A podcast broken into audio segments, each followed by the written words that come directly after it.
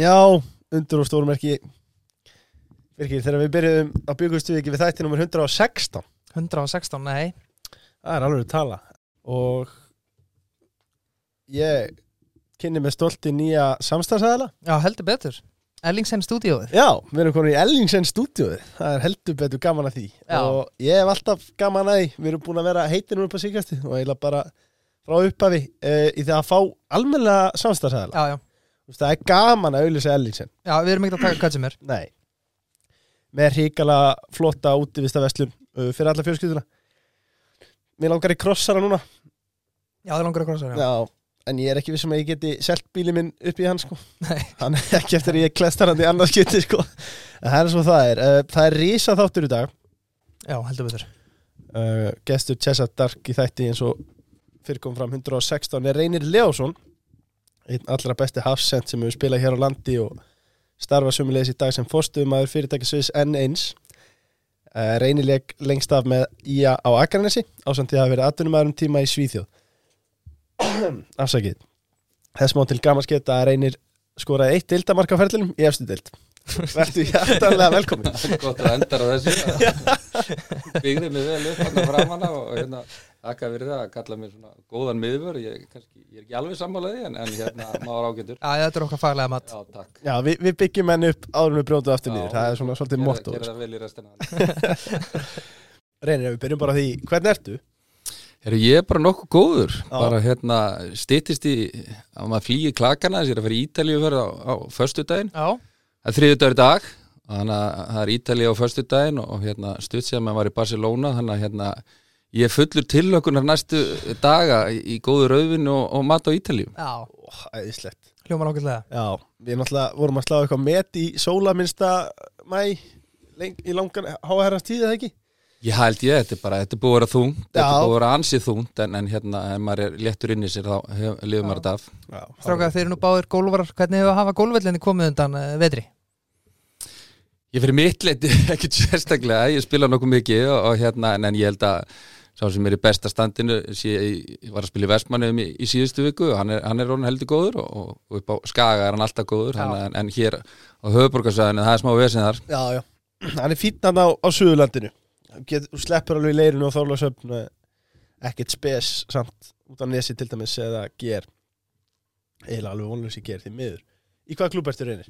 Og hvað er mér fórkjöf? Herðu, ég er í, hérna, hef verið meðlumur í golfklubnum Leini eh, hérna undanfærin ár en, en, en gafst upp á að keira núna í sumar og, og farið með yfir í, í golfklubin í Mosó og svo er ég líka í GR-endar þannig að hérna, ég er á tveimur stöðum, tveimur víkstöðum Já, Lægilegt Hvað er ætla ég Helst ekki. ég ætla að hérna, að því að menn getur að tjekkað á því ætla ég að segja satt, ég held ég sem er 21,7 Já stefnan að fara stór markmið fyrir sumari 15 Lýstu vel að Já. Spurðu aftur ári hvað er þú með lefur?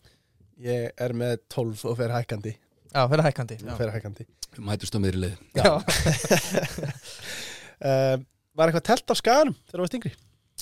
Heru, já, það var telt. Hérna, fæði minn hann, hann hérna, droppa nafnars Leo Jóhannesson hann var, að, hann var að kenna skáka á Akranesi og það var bara nokkuð vinsælt og það var telt mikið hérna, í grunnskóla á barnaskólanum og hérna skákaæfingar einu sinni tvisar vikam minnir og bara það þótti bara venjulegt að það væri skákaæfingar og hérna maður fór á þar eins og hérna handbólta og fótbóltaæfingar eða einhverju fór á sundaæfingar þannig að hérna, það telt aldrei og, hérna eins og einhvern veginn svona hvarf þetta en hérna með þökk ykkar og, og margra annar að finnst mér þetta að vera að koma tilbaka og það er alltaf þessi góð, góðsviti fyrir komandi kynsluður að- sé allir að tefla, stelpur og strókar Já, við fögnum þessu. Já, engin spurning. Um, Úr skákinni í boltan, ein stutt Uppáhalds deildamark ég man ekki hvað sko, þið getið örgulega fundið mér þessa fagni sko, þetta var á þeim tíma sko, ég, þetta er eina deildamarkið mitt, það var ekki eitthvað val ég bara gati ekki skora, ég skora aldrei sko. ég skoraði þetta mark hérna og, ég vissi ekki hvað ég ætti að gera þannig að ég hleyp eitthvað með stúkunni og rýmur og ofa muni þetta forlan þegar hann komst ekki í treyjun sko. að ég tók treyjun og sveiflaði henni þarna og svo var ég bara í basli og þetta var eina markið þannig að hérna, ég var ekki mikið fyrir það að skora mark og konstöldi færi og Nei. þannig að ég er unnur þegar ég var komið svona með me- meira vald inn í, inn í, inn í klefanum og svona þá fekk ég bara að sitja tilbaka og kvíla meðan hinn er hlupið fram í sófi að ég sagði bara ég fæ ekki eins og færi sko, þetta er bara að reyða óþóra orku sko. ah, Sko, við þurfum að ræða boltan hérna heima eins uh, En áður við gerum það Þá verðum við að senda kæra kveður okkar mann í Lingby Það er litla kraftaverki sem að King Freyr Alexanders uh, var að afreika Hversu langt getur Freyr sér náð? Ég sínst öll hann geti bara náða hansi langt og, og hérna og hann hefur auðvitað bara hérna var búin að sanna sér vel hérna á Íslandi og það er stórt stökk að hoppa upp út í atvinnumennsku og tekur raun og veru við mjög erfiðu starfi þar er að endurbyggja hann að klúb úti hann kemur um upp Mhm. uh, hérna og, og, og svo er þetta á þetta kraftverks stað að hann heldur liðinu uppi og meðan vel áföllum sem eru fyrir þá er þetta alveg stórkostlegt og Freyr greinlega er greinlega færþjálfari en ég held að það sé alveg frábær sölumar að því að þú þarft að selja þeim hópi leikmanna og þú þarft að vera frábær leitói stjórnandi til að selja mönnum trúna á vegferðina og hann á að gera það. Og, og, hérna, og það er ekkit, það er ekkit þú getur verið frábær þjálfari en það er ekki allir sem getur þetta.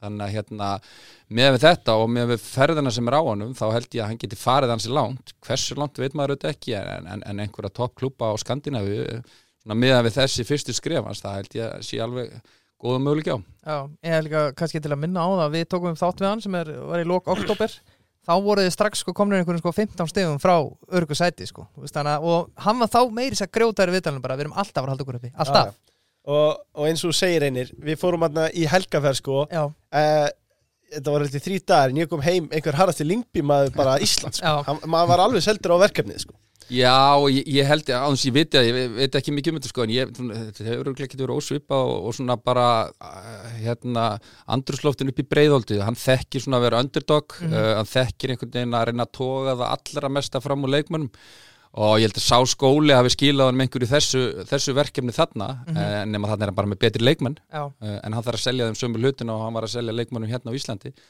hann er hérna bara risa kredit og frey og bara gaman að- að að samklæðast honum í, í þessu. Algjörlega. Já, ekki spurning. Uh, Waterclots, já, Birkir, þú veist hver uppáhaldsvara mín er? Það er hérna í Beach Bum Tonic. Það. Er- það saltvasslusning góða. Já, já, Það er frábær. Uh, þetta er alltaf glæsilegur. Já, þú ert mikið fyrir sjampói já, En hver er þín the uppáhaldsvara? dude, það er the dude. Það er the dude, það er hárlínan fyrir kallmenna, já. Condition er líka góður Lyktin er bara svo góð hjá Waterclots ég veit það, um, þú þarft eitthvað ef þú ert með waterclouds í hárinu og niður í bæ Já, og endar eitt, þá þarft eitthvað að skoða þinn innri mann sko. Já, það er nákvæmlega þannig. Um, Umferðin um helgina strákar. Uh, Bliksvæks 2-2 Leikur leikjana. Uh, Hvað finnst okkur um þessi læti eftir leik? Ef við byrjum á því. Á reynir, Já, það, ég var alltaf svo rólegur sko, þannig Já. að hérna, en nei, auðvitað, það urðu mikið læti og hérna og það, það einhvern veginn það byrjar að myndast einhvers konar rígur alltaf er auðvitað bara tvö liður góð Mhm. tveir þjálfar eru framúskarandi og það er mikið undir og, og hérna og einhvern veginn og svo einhvern veginn hérna, gís alltaf á einum tímapunkti þegar verður þessi dramatík þannig að þú veist að mörguleiti þú veist skilur maður þetta en auðvitað vill maður ekki þú veist þú vilt ekki endilega vera með þessa mynd af fótboltanum að menn sé að hérna að slást og annað slíkt en, en, en þú veist þetta fóð nú ekki til við strikið en, en það voru bara mikla tilfinningar og þetta var alveg brjálaðslega dramatísku leikur og, og hérna minn góðu vinnur Arnar Gunnlaugsson sko, veist, hann er rólegur og, og hérna og er yfirleitt með allt upp á tíu og heldur kúlun í öllum viðtölum, hann misti þess aðeins þarna og ég, veist, ég held hann veist, sjá ekki mikið eftir en ég held að sjá samt aðeins eftir í hvað svona hvernig hann leta þannig viðtalinu eftir leik en, en veist, þetta er bara eitthvað sem getur gerst þegar það er mikið undir og adrenalinnið sko í hæstu hæðum. Þannig að hérna Þannig að já, þetta var, þetta var mikill sirkus. Já, Ég- Mér varst líka gott sko, veist, hann mætti hann til Gulla Jóns Rósa Gulla Jóns, hann er geggjær að taka þetta og hann var með þess að koma í slagsmálina það líka. En mér var svo gott, svo, svo mætti hann sko í punktu netu þetta er hálftíma eftir, þá var hann ennþá bara þessi fucking dómar líka, líka, sko, að þessu Arnar bara kunni ekki að vera reyður, sko. Veist, Hann er brjálarinn, hann er ekkert reyður einhvern veginn, finnst mér, hann er bara bæði í einu. Já, já, þeir eru ólíki bræðurni, sko. Vil að, Hérna, Bjarki gæti alveg, ég spilaði hann með honum, sko, hann gæti alveg orðið, sko, reyður, reyður. Já, En Arnar er svona, er- það er skrítið að sjá hann í, í, í þessum aðstæðum, en, en, en þú veist, hann lærir á þess alveg og, og þetta var ekkit eitthvað eitthva stórslis og hérna, Nei, hann líka fattaði hann eftir byggarsigurinn í gæra þá sagði hann, já, ég er búin að reka gæjan sem var, sagði hann að það er eina hálfur upp og það var eins langt frá því að hægt er sko. uh, um, já Bann, strákar Er það eitthvað setja, Já. já, setja þjálfaran í bann fyrir þetta Nei, mín skoðun er svo sem að þjálfarnir uh, þurfu ekki eð. Þetta er auðvitað alvarlegt það sem að segja ekki af hver dómarum þessi dómar er auðvitað, maður pyrraði sig alveg á þeim sjálfur þegar maður spilaði og þjálfaði stöttastund líka og, og, og hérna en, en þú reynir að, að svona að tala að, að virðingu til þeirra þannig að þú veist, Arnar gæti alveg fengið bann ég vona svo sem að hann fái það ekki en, en, en ég held að Óskar, Óskar fá ekki, ekki bann en, en, en svo getur auðvitað leikminn farið í bann fyrir annað slíkt. Það er auðvitað, veist, það er líklegt að það verði en, en ég er nú ekki viss um að Arnar verði dæmdur í bann en, en þú veist það kemur ekkit óvart að það er hent á hann einu leikið eitthvað svo leiðis fannst þér þetta að vera dífa hjá Dóra taka Dóri minn gamli þjálfari sko. Ég veit hann er aðeins þingri en þetta sko. Hann Já. er samt bara einhver 50 kíló svo er hann alltaf Hann- alltaf algjörlega brjála Hann tók nárast á loft svo byrja hann að rulla sig.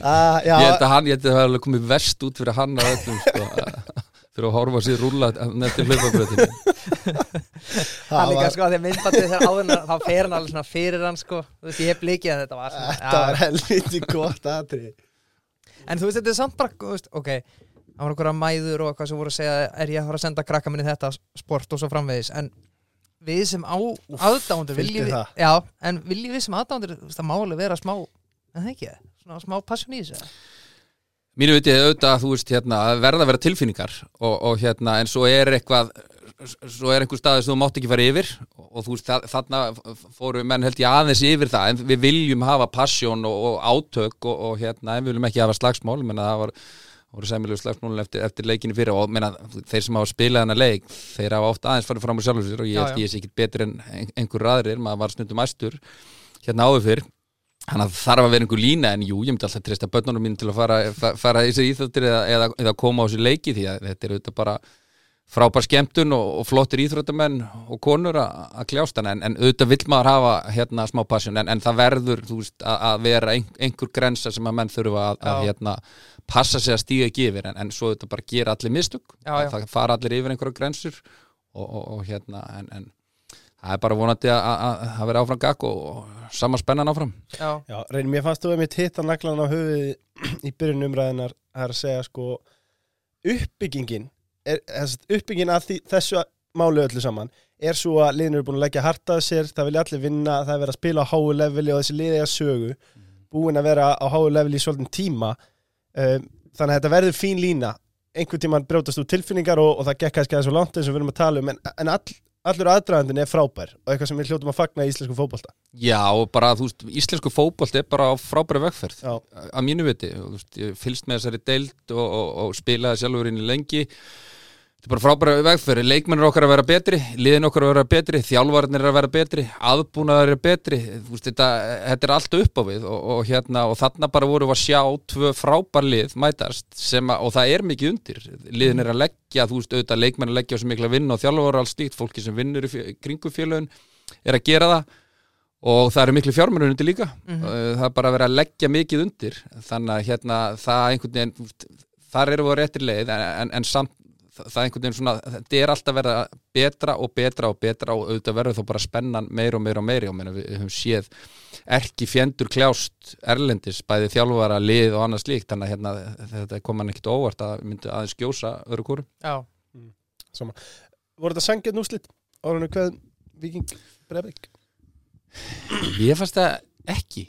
En Nei. þú veist það voru deilda minna, þú er bliki. Já, já, og hérna Óskavinnu minn, hann var, hann var þetta sagði að það hefði verið eittlið á vellinum og Arna var með einhver aðra mynd á þessu en, mér fannst svona þegar ég horfði á hana leik og, og hérna mér fannst vingandi verið með kontról á þessu. Blikandi voru þetta, eru góðir mm Mhm. þeir voru ekkit mikið slakari en, en svona, þú veist, þegar maður horfði á leikin heilt yfir, þá varst með vikinga að vera með góð tök á honum. Já, og, og hérna en, en, að hérna, mér varst þeir svona en þeir eru þetta bara klaufar. Þú veist, pyrringurinn að ekki vera í uppbútatíma eða einhver ákvarðin dómar, en þeir áttu bara að landa sigri að konum tvönu lifir og bara lokar þannig leik, þannig að ég held að það hljóta að vera mesti pyrringurinn hjá Arnari og öllu leikmannum eftir leikin já. Já, ég, samla, ég, það var ekkert sem bent, ég eiginlega bara hætti að horfa til 90, ég held að það var bara búið, það var ekkert sem bent til þess að blikar var að koma tilbaka, sko, ekki neitt, sko. Nei. Þannig að, já, en in the end, svo núna bara nokkur dögum síðar, held ég að þetta sé bara, eins og reynir segir, áfram gakk, sko, vikingar að það með fimmstega fórskot og við erum bara með bullandi mót, sko. Já. Um, Háká sem búið að vera á blúsandi siglingu Mm það er bara 3-0 uh, fyrir IBF Erum við mögulega að fara að sjá einhverja taprinu núna? Já, Háká, vall. Já, þi- þeir geta alveg fallið uh, hérna það er þetta bara Voru ekki bara allir á því fyrir móti eða? Já, ég held að vera mjög margir. Ég er svona, þú veist, bara þetta var ekki alveg að fylgjast með eins mikið með vetur og ég hef gert undanfarið og svona bara verið aðeins á hliðalínu og svona en þú veist, þetta er alveg eh, þekkt sögulína að nýlið byrji vel uh, hérna adrenalínu mikið og allt nýtt og spennandi og svo einhvern veginn dregst undan þessu. Þannig að hérna, þú veist, þeir eru ekkit hólpmir og þeir þurfa að, að stíga á bensingjöfun aftur. Ég var einmitt í eigum þegar þessi leikur fór fram og hérna, eigamennum voru bara miklu betri ég var eitthvað út á gólfvelli og, og hérna heyrði mig- hérna, og hérna heyrði nú eitthvað þegar þeir voru hérna, fannst þess að vera að sprengja tertur við hvert markall eða hvort það voru leifarnar frá handbóltanum sem hefði verið deginum áður sko.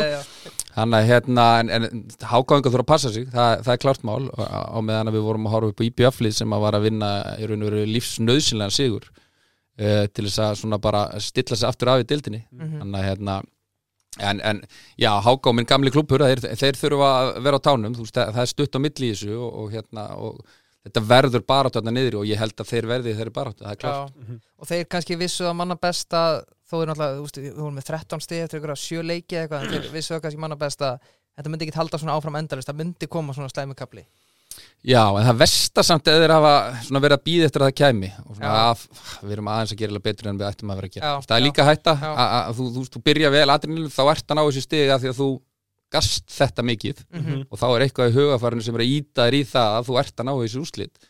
Og það er kannski verst að þeir byrja að hlusta á, á einhverja, einhverja gaura að vera að tala um það eða einhverja að vera að tala um það að það kom allt aðeins og nýlegar gefi eftir og eitthvað svona og þá byrja það kannski að býða eftir því og þá lenda þeir í taprinu sem að er raun og veru mjög oft erfitt að, að koma sér út úr þannig að þeir og maður hefði viljað að þeir eru bara verið með kassan úti og hugsa bara við erum bara að fara áfram. Við erum bara að slást, slást toppartunni hvort það er raunöft eða ekki en, en þú veist að, að halda því huga að fara áfram sko. Já, algjörlega.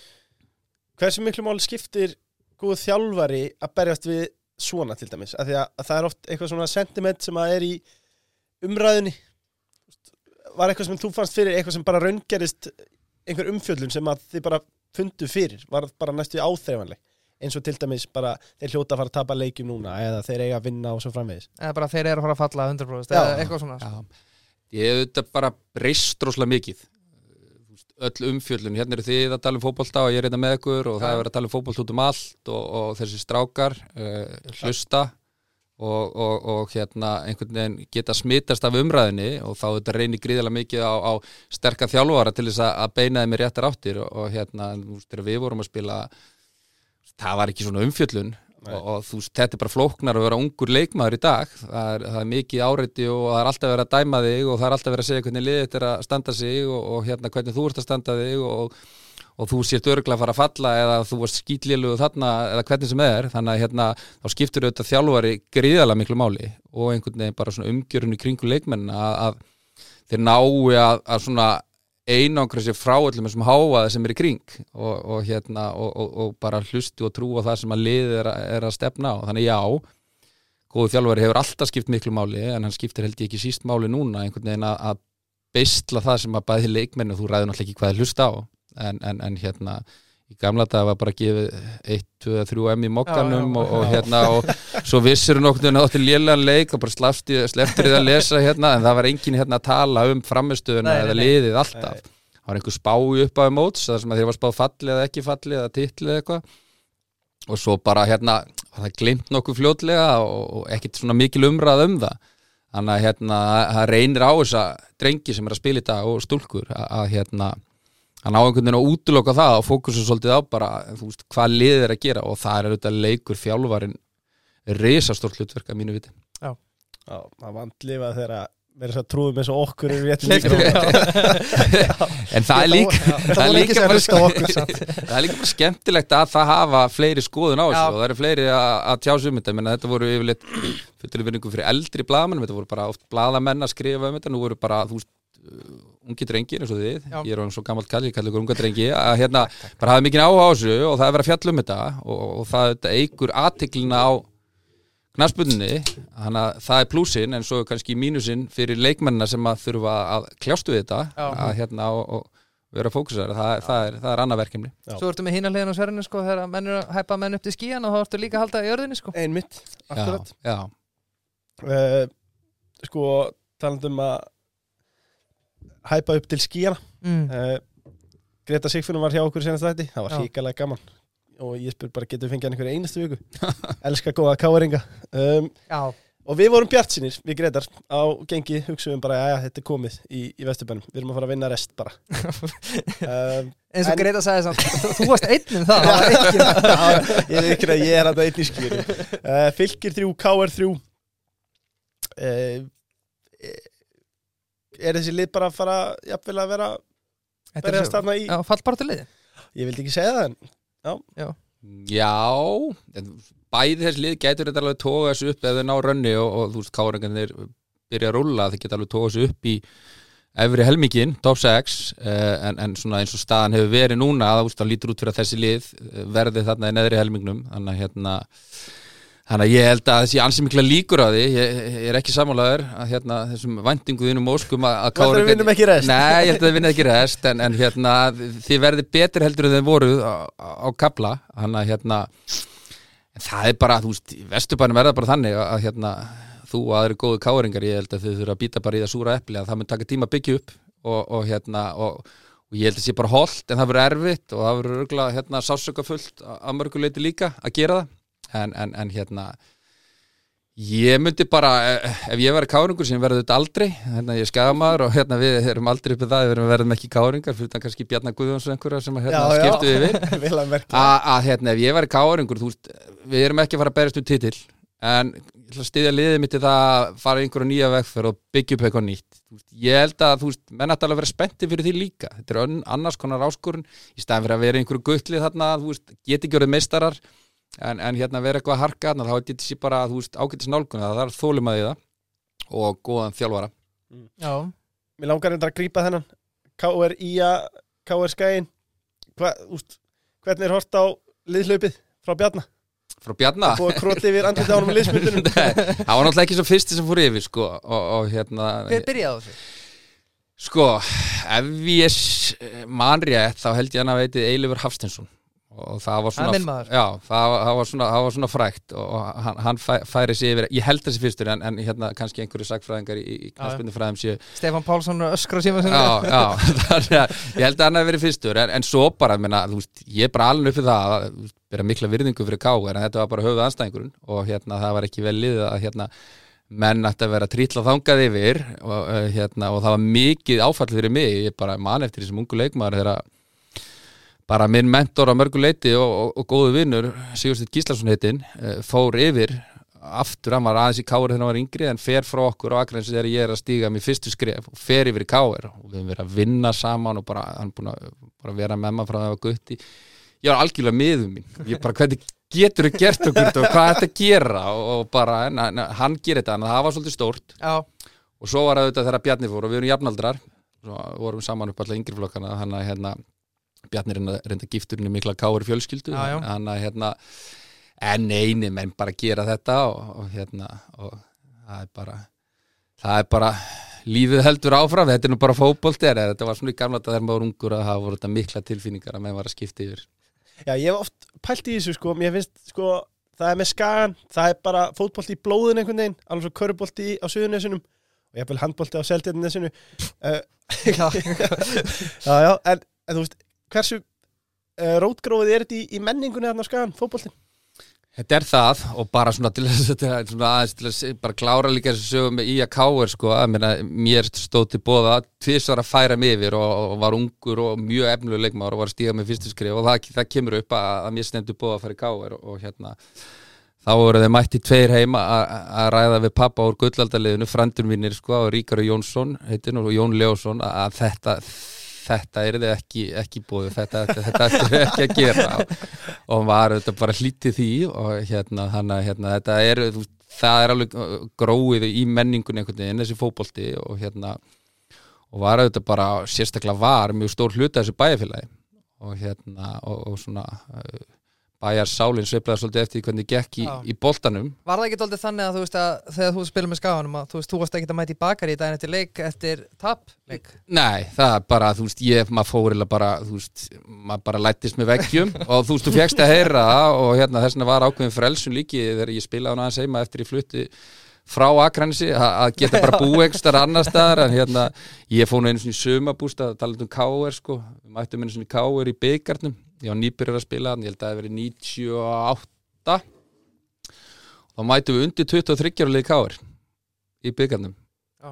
og það var sérst, þá voru undir 23 ára liðin með í að hvert félag gætt sendt tvö, hérna, tvö lið til keppni mm. allir leikmenn þurfti að vera undir 23 ára en ég held að það mátt taka tvo eða þrjá sem voru yfir 23 ára þannig að við dröfumst á múti K.R. í byggandum og hérna og þar bara mæti að sérfara eins og Eður Smári var komin í K.R. og, og hérna þeir stilt upp öfluliði en samt svona ungmennaliði og þau sló okkur út.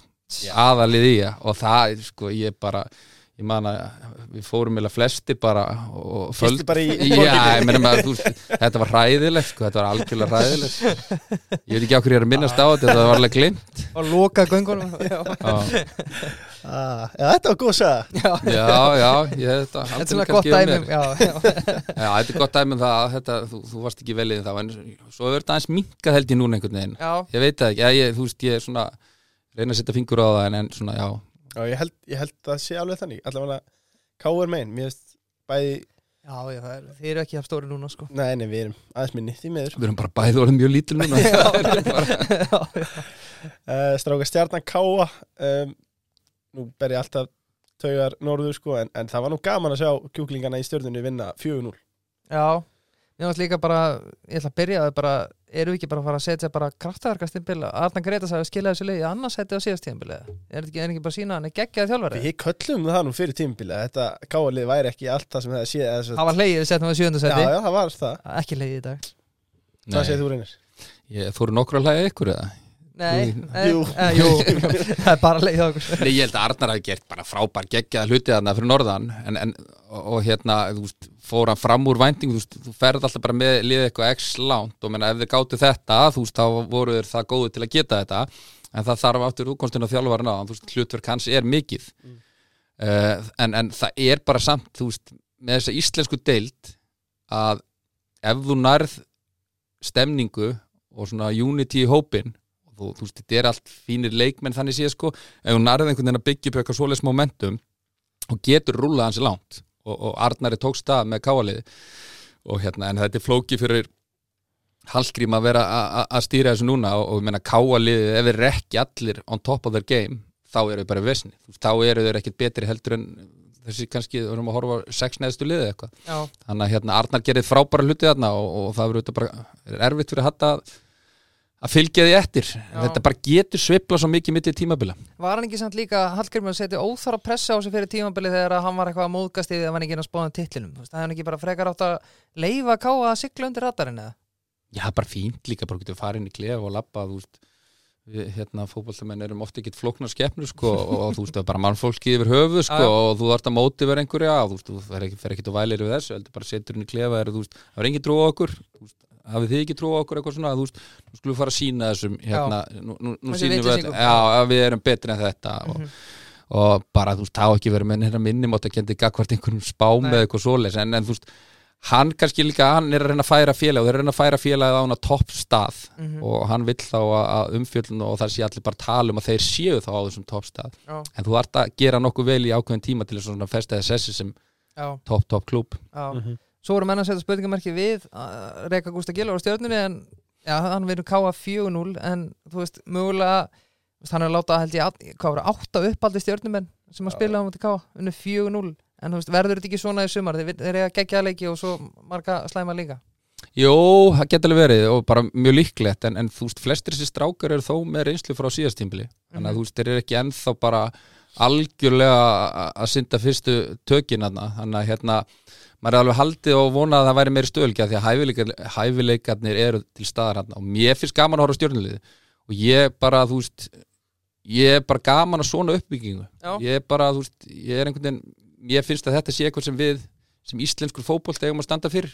Og, og hérna, auðvitað, þú veist misjamt einhverjir vilja, þú veist er að ná í dýru bestu leikmennina en, en, en þú veist að við séum að búa til flotta leikmenn flotta leikmenn sem er að koma í gegnum starfið og þeir sé að spila, já, að við getum verið með þá frambært lið þeir geta verið með frábært liðin eftir 1-2 ár mm -hmm. og búin að selja eitthvað að strákun líka þannig að hérna ég er hefina þessu, auðvitað er ekkit allir ánægð með nei. en, en fyrir mitt leiti þá hef ég gaman að þessari þróun og, og, og þessari hugmyndafræði og ég er ánaður að stjarnan skulle vera að gera þetta Já, svo horfum við líka á U19 landsliðis að tilkynnt í dag og þetta var nánast bara svo Stjarnan. æfinguhópur hjá stjórnunni Já, sko. Já, já, menn þeir fara, menn það er sem við vantaði stjórnum þeir eru ekki verið að selja mikið að leikmennum gegn Mhm. tíðina þarna e, fer það líklega að breytast hjá þeim mm Mhm. þarna eru mikið af frábæra leikmennum sem er að fá s- tækifæri ungir þannig að ég bara ég þetta gegja, ég bara hvet stjórnum til að halda áfram í, í, í þessu og, og kannski, þú, svo er þetta kunstin að velja reynslu mikla sterka leikmenn með þeim Mhm. til að hjálpa þeim og, og, og það er kannski svona er, er trikkið þeirra, en, en ég er ánaður að vera spilumstrókum, finnst þetta bara ógeðslega góður í fótbolta Já. hann er hrikalega góður Var farsa lausna að láta Gústa fara? Já farsa laust, það var svo sem bara eftir að koma í ljós Mhm. uh, ég held að Gústi hafi gert bara mjög góða hluti þarna og Gústi er búin að sanna þessi sem þjálfari en svo er bara oft hvaða rödd virkar best fyrir hvaða hóp. Einmitt. og, og hérna, þú veist, ég held að allir þjálfarar séu látni fara nokkur sinnum á ferlinu menn það segir ekki að þessi lélegi þjálfarar. Uh, bara það eru veist, ef þú ferð og, og, allar feta þessa braut að, að, þá átt að búast við að það er eina sem er öðvöld að þú verður reikin einhvern ekki nema bara ákveður að hætta eins og ég gerði heldur snemma og Já, bara hérna. já. Að, að, hérna, en, en þú veist, það er bara þannig. Þannig að það er ekkit sama sem myrkja á milli þess alltaf að þjálfari reikin og þessi lélugu þjálfari. Já. oft bara mattsar þetta ekki saman það er einhver stemning í gangi eða eitthvað og hérna, ég held að Jökull verið flottur hérna, hann var leikmaður hjá mér uh, hérna, og, og bara mikill pælari en, en Já. svona það sem að koma eftir ljós bara á eftir að koma ljós, hvernig leiðtóð er hann og hvernig hann er að svona að- að að, hérna, vinna með þessa stráka Algjörlega. Sammála öllu þessu, spenntum fyrir Jökli og einni til fyrirmynda hvað stjarnan er að gera Já, ég er sammála því. uh, Valur 1, F og 1 strákar Heimi Guðjóns með töfraspotnar á lofti Heldur Heldur sem áfram að galdra. Já, Svo var hann að hægælda okkur blikana í gerð. blessaður Já, maður segir, maður segir sko gamli er segur sko. Þannig að alltaf kallaði gamli og hafa kallaði gamli sko þegar hérna, ég spilaði með honum í tvö ár bakgrænsi Já, og þá var hann þú veist bara þú veist, 29-30 ára, hann var samt kallaði gamli þá sko Já. og hérna Þannig að það er gaman að sjá að hvernig hann er að fara að stað með FH og hérna ég er bara að fá að koma inn, ég vil skora á hann í skák hérna ef hann, Já. ef hann hlustar á þetta, ég þarf að hérna, kík, kíkja í heimsótt til þessi kópúin og taka eina við hann. já, Þetta er bara flott úrslit í FH, ég held að Heimir hafi verið, ég ætla að segja, Já, já.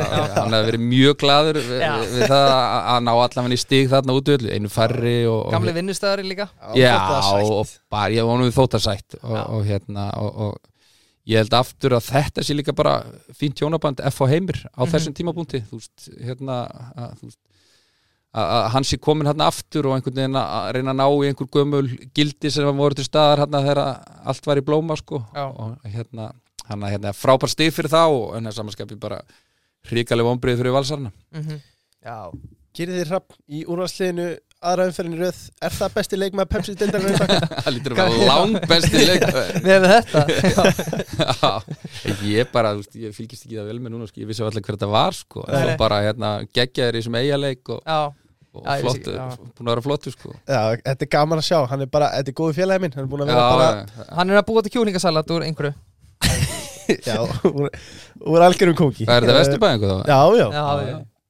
Uh, En já, Heimi Guðjóns Náttúrulega F eru manni færri Eila allan setna áleik sko. Allan setna áleikin, já Þannig að þetta er náttúrulega ekkert eðlilega vel gert hjá honum. sko. Nei, nei, hann er sennilega Nei, þetta er bara hákvært stæmi uh, Fram fjórir, Keflaug eitt Já, Ef við tökum það bara rétt snögt Keflaug, er það liðið sem er líklegast til að falla eða eitthvað?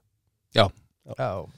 Uh, Klart. Er hann að fara að hætta bara sikir ekki? Sikir ekki Ég vonu ekki, ég vonu nú, þú veist, ég held að það sé bara, þú veist, þú veist, sí- þú veist það er ekkert örugt að það falli og Siggir ekki, þú veist, gerði frábæra hluti með það fyrra, þannig að hérna, ég held að hann væri best til fallin að að reyna að klára þetta sjálfur, en, Mhm. en hann þá þetta, ég veit ekki, hann, suga hvort hann vilji það eða eitthvað, en, en, Já. en hérna, en, en þetta er erfitt hjá þeim, það er erfitt hjá þeim að vera upp nýtt líð eftir að hafa, þú veist, gert svona frábæra hlut á síðast tímpili. Já, minnst hann bara vera að doldi svona bugaður Ég held að sé Já, hann var reyndar, hann var það við sáum við, tölum við að fyrir mótið fyrra þú veist, hann var líka bugaður þá sko. Og ég myndi, ég horfði á viðtal hérna fyrir, fyrir mótið fyrir þessi, nei þeir eru ekki séns. En svo bara Við erum ömulegir en svo bara var hann hérna sett hann heldur betur í gang. Já, svo er kannski að segja eitthvað allt annað en í klefanum. Já, já, Já, Ég ætlaði rétt að sko. Já, spilaði líka mánu, ég er búin að spila með öllum sem þjálfum sko. Öllum Svo ef, aftur að heimi Guðjón sko, eins og Greta kom inn og hann er bara svipið um aldrei og Arnar og þarna Óskar sko, að, samt að tala með Hannes okkar að rísaðalu sko.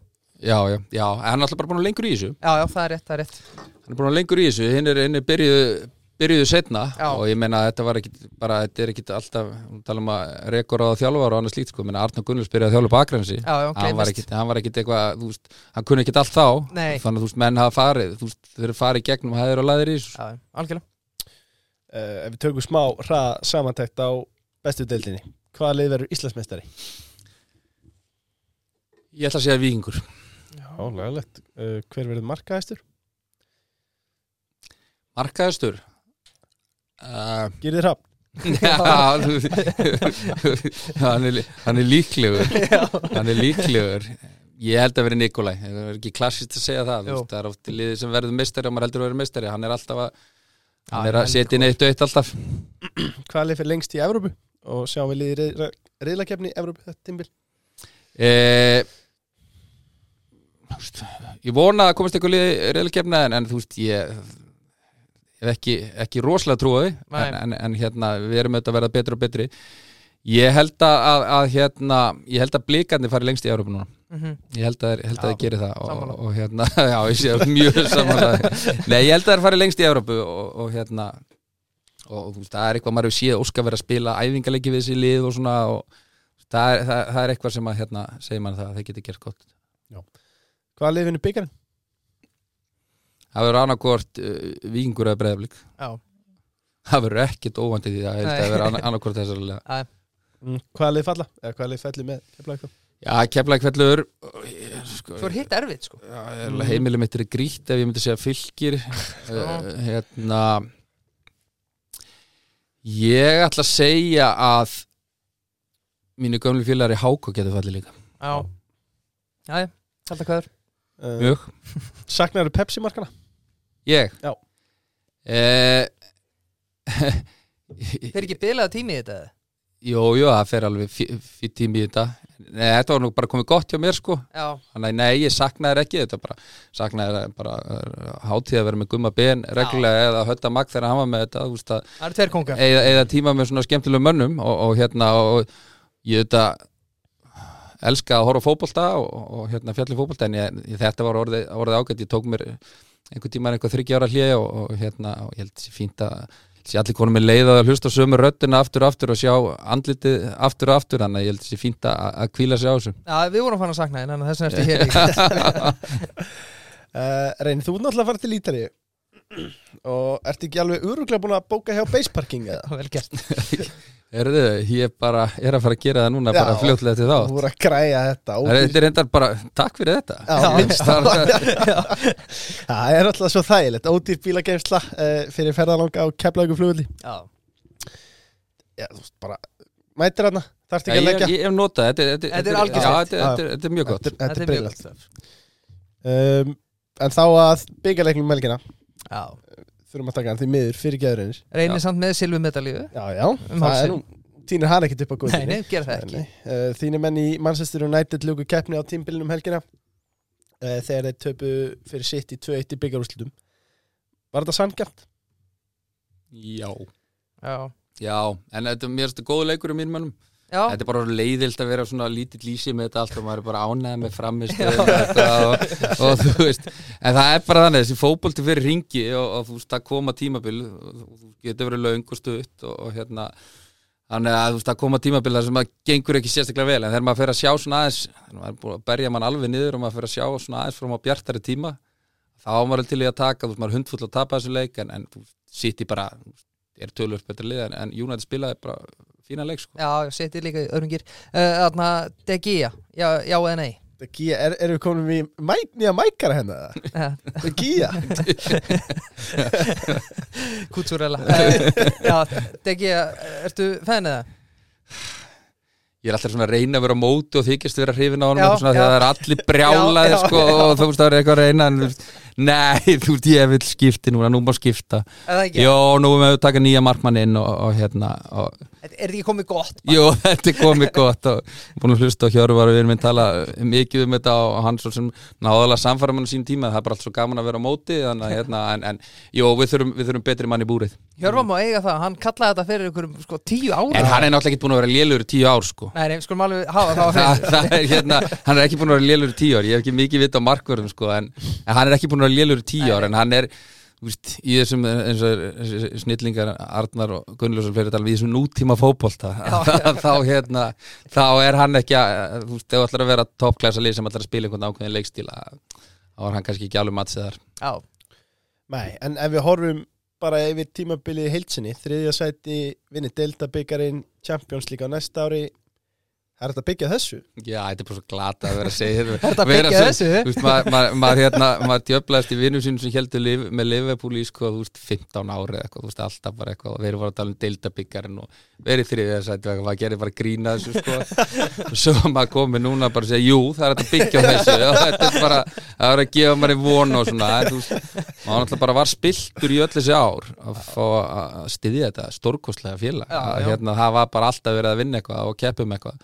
þetta Já, já. En jú, jú, við verðum að byggja þessu og ég held að við séum með góðan mann í brúni til þess að að það ekki? Jú, jú, taka réttu ákvarðanar Glerharður, Já, getur þetta ekki erfiðar ákvarðanar það þýðir, veist, verður að verða horfir á þessu bestu veist, verður að geta ekki stórar umdeldar gefa ákvarðanir verðum við ekki að gefa hann líka respekt fyrir þetta sem hann gerði við Ronaldo Hann er búin að vera grjótarður sko. Já, hann er bara að harðu við alla. Það er bara Ronaldo, minna, hann setur Rashford á bekki þegar hann mætur á sein Já, búin að langbesti maður um tímbilinu já, það Uh, þú, þarf bara að taka stóra ákvarðin þú þarf að breyta kúltúr. Og það hefur auðvitað verið það sem held ég að verið mest aðna það er svona kúltúrin hvarf. Og þú, getur hort á fullt af öðrum lík, ég held að F-fangarnir hafa verið að glíma þetta núna í þennan tíma, þú veist, öruglup á Akrensi líka, jafnvel í Káir þú veist, að hverfur einhver kúltúr úr, úr klefanum eða úr, úr bara umhverfinu. Og, og þú veist, að breyta því er bara getur verið erfitt. Og þá að taka erfiðar ákvarðinir og stóra ákvarðinir og hann hefur allavega verið að gera það hingað til og gengið ágætlega upp. Já, já, veist, þetta er bara gummulsaga ný og eins og ég sagði við Arna Gunnlaug félaga minn já, Þú veist annarkvort grjótarður eða linur eða þú ert sköldlóttur já. Það er til haka grjótarður sko. Þeir eru þetta reyðilega flesti grjótarðir sko Já, þeir eru mjög margir Já. grjótarður um, En, Það var ekki waterclouds í hárunu á mönnum á, á, á hliðalínum helgina nei, nei um, En sko Já, eitt sem ég langaði líka að taka Því við erum nú báðið Chelsea menn Birkir og, og svo ertu manni maður Já, ok, já. Að Því að Rashford var að skrifundi nýjan samning og var leikmaður tímabilsins og allt í hann kongurinn en bara fyrir tímabilið Var engir að tala um hann? heldum menn að hann væri bara búinn. Mm. uh, Mason Mount var kongurinn hún er hlutabreyfinu húnum bara in the, En þá er það United takan ja, þá er United að orðaða við hann. En ég menna við erum að reyna að bjóða hann um gull og græna skói hann vill það ekki frá Eru okkur þið tveir eða? Já, við erum Chelsea menn. Chelsea menn Já, sko. eru þið að bjóðunum minni? já, já, já, Já. en þú veist ég skil vel að hann vil ekki semja við okkur í dag sko. En ég vildi bara aðeins að því hvað, hvað getur verið stutt á milli í þessu? Já, og þetta er bara pínulítið, kannski ekki eins og mikið og er með þjálfarna en, en þú veist, ákveðið mats eða ákveðið svona, þú veist, það hendar vel, þú veist, sem ég sagði hann, þjálfari, hann er ekki ömurlega þjálfari en til að þetta er rekin Mhm. uh, leikmaður sem að er búin að sína eitthvað ekki mikið ef hann, hann á slagt tímabil þá verður hann ekki allt í ömurlegum leikmanni. En, en þú menn er bara svo fljótur að gleyma. Og Já. ég var hann brjálar rasvort á síðast tímabil, brjálaður. Já. uh, svo verður þessi breyting á, held ég. Ég held að hann taki hann föstum tökum til hann hag, en, en samt sem áður svona peppan svolítið upp. Þannig að við sjáum allt í einu leikmann að fara blómstrættur. Menna Mason Mount hann verður ekkit ömurlegu leikmaður á einni nóttu, Nei, en hann er búin að lélugu núna og liðið er allt búið að vera ömurlegt. Og þá eru, þú veist, þú veist, liðið er allt ömurlegt og allir þessi, hérna sirkus í gangi þá er allir líkur að verður líka Já, já, lélur. já. hann að hérna, hann að Mason Mount, mér hefur þótt hann geggjaði leikmaður hann var þessu tímbili Já, og, og hérna, en þú veist, ef hann kemst í, í rétta liðið, hvort sem það sé Chelsea á næst tímbili með nýjum þjálfara Mhm. eða þú veist, það færist í United þá þú veist, er alveg góða líkur á því að það verið frábær aftur. Já. þannig að þú veist, þetta er bara það er svo stutt á þessu. Það er svo rosalega og við erum náttúrulega svo fljótir að dæma alla. Þú Já. þú ert bara ömulugur á einni nóttu það er okkar ær og ký Já, já, já, menn maður er brjálaður að öskra á sjónvarpið og hérna, eh, hérna hann frá Íslandi út af einhverju sko, en, en, en hérna, en, en já, þetta, þetta er fljótt að breytast, þú fljótur að vera stjarna en þú ert líka fljótur að, að Já. fljúa niður. Og svo Já. komast aldrei, en að þú veist, hann var geggjaður á veist, Dele Alli, svo bara, þú veist, ferðu niður og missi sjálfströst og fókusin fyrir eitthvað annað. Já, þú verður að vera glerharður á fókus þannig að hérna þannig að ef Mason Mount er já, með góðan fókus núna þá eru þetta toppmaður í United trefnum næsta já. Svo vestadæmið er náttúrulega Vestadæmið er náttúrulega okkar maður Edin Hazard núna sko. Já, Já, Einmitt. en kannski eitt sem við leifurum að tala um fyrir þátt uh, þá var hleyðir að Ronaldo fór til Al-Nassar í Arabíu þegar hann sagði að, að arabíska deildin er í topp 5 deild innan nokkra ára. Mm. Býtu, Messi er að fara á okkar núna Benzema var að skrifa undir núna. Al-Ittihad. Al-Ittihad, mínu menn. Já, þínir menn alltaf Eru- verið. Þú veist, Þú ert búin að stiða Al-Ittihad núna í tíu ára ég er búin að segja, þeir eru á góðri vegferð. Nei, þú veist, eru við kannski að horfa í að eru arabarnir bara kannski að fara að taka yfir heims fótboltana eða eru þeir bara að Þeir taka voru að kaupa útbruna golfið í dag Það var að koma að frétt að það eru að renna saman með PGA ég hef enga trú á því að, Nei. að, að hérna arabíska deildin sátti arabíska deildin verið topp 5 deild. Uh, en, en sko þið getur verið að taka yfir fótboltan með því þau eru auðvitað að kaupa líka félög Mhm. þú veist, uh, frá þessum heimsluta en þrátt fyrir að þessir bestu leikmenn þarna sé að fara þarna, þá eru allir að fara þarna á þeim tíma að, að þeir eru ekki leiðinu upp, heldur á leiðinu niður. Já, og þarna fá þeir eitt stærsta tjekka sem að hérna, mögulega er hægt að fá þannig að þú veist, ég eh, held að það verði ekki en, þeir auðvitað fara þarna og þeir segja þetta og, Já. hérna, þú veist, þeir, þeir fyrir að selja, selja þetta en ég menna kínverska deildin átti líka að verða eh, einn stærsta deildin í heiminum og, og þú veist, og, og fórseti Kína, hann var þar á bakvið og þú veist, þeir ætluðu bara að taka yfir þetta og þú veist, fóra stað, náði þessar stóru stjörnur en, en Mhm. svo bara Já, svona, þú veist brotnar undir þessu og molnar undir þessu þannig að nei, ég hef ekki trú á því en, en þeir hafa það örgulega gott þarna sáttir í, í Sáti Arabi ég, bara, ég, ég, ég skil ekki bara þeir eiga alla peningi í heiminum Heldur þetta verði ekki þannig bráðum að við verum bara allir í Al-Ittihad treyfum og allir að horfa á arabísku deildina? Nei, nei Birgir. Ég ætla ekki að svara fyrir þig en ég ætla að svara fyrir mig og hans sem marga aðra. á heilmarkar nú þegar sko. Nei, ég, nei, ég hef ekki trúið því, ég hef ekki trúið því. En það munum margir efnast á þessu. Hérna, og, og, hérna, og margir verða ennþá ríkjar en þeir eru. En, en, hérna, og örgulega flott fyrir mikið af miðlumsleikmannum sem að geta hoppað þarna yfir Já. og, fengið það gott til þess að vera, vera með stóru, stóru kollunum já, algjörlega. Já Já, þe- þetta er samt áhugvært ef við horfum á Newcastle ef það verður stórlið þá er City, þá er PSG Já, er bara kortver í að stofna sína eigin deild þarna sko. Já, já, svo bara er ekki e, Katar að fara að kaupa United kannski, Jú, þannig að þú veist, þetta er veist, þetta eru, þetta eru stóru peningarnir eru þarna og, og þeir eru svo sem bara að, að, að, að já allt, ég held að þessi ekki að þessu til þess að vera ennþá ríkari sko, þessir Nei. eigendur. Myndum við að skrifa þessar mínútu niður sem við erum að tala um þetta eftir tíu ár. Ég held að við erum allir þá förum við saman á leik þarna já, já, ég er búin að fara fjóra sko. þá verður podcasti hjá okkur orðið ennþá stærra þú býðum mér eh, til sátt í Það líst mér vel á. Um, Hvaða leikmenn viltu sjá United sækja í sumar? Herðu, ég vil fá Harry Kane. Já, klárt. Herðu, svo vill ég fá hérna eh, portugalska markurinn hvað heitir hann? hvað? hjá Porto. Já. nú fyrir bara tölvuna. Já, já. Ha, Nei, ég er með þetta, ég er bara að hugsa þetta upp í þess Sjá. Og hverja viltu losa líka? Sjá. Ég vil losa Maguire uh, ég vil ég vil losa McTominay. Diogo Costa. Diego Costa, Já. ég vil hann. Og, hérna, og við þurfum miðvör líka. Mm þannig að hérna uh, Til að spila með Mar Martínez þá já og bara var hann mikið mittur þannig að þú þarft að vera með þrjá toppklassa. Þannig að hérna og við þurfum að, að- losa Maguire uh, hérna kemur ekkit óvart að Fambi Saka færi hann myndi sækja hæri bakurð en, en það er svona, já það er svona þessi leikmenn og svo þetta leikmenn sem að þú er ekkit að fá að spila Elanga eða, eða hérna einhverju sóli sem Er að ekki með að komið tími til að gefast upp á Martial eða? Jú, það er klárt. Veist, Ég veit hann, ekki hann hvað hann sýnir samt alltaf bara smá að hann getur verið frábær og svo bara búm, veitur Það er samt eitthvað hann sko, ég var miklu reyður út í Rashford og síðast tímbil heldur en Martial nokkuð tíma samt að Martial, gat Martial ekki neitt Nei. eftir og getur ekki neitt En núna. hann er líka bara alltaf meittur einhvern veginn. Ég var með hann í fantasy, tók bara eftir hún þar sko en Hann verið alltaf meðast, í miður. Já, þannig að þú það er búið en hann snertir einhverja tökja mér alltaf, ég veit ekki hvað það er. Mm, Sittilið, er þetta besta lið allra tíma?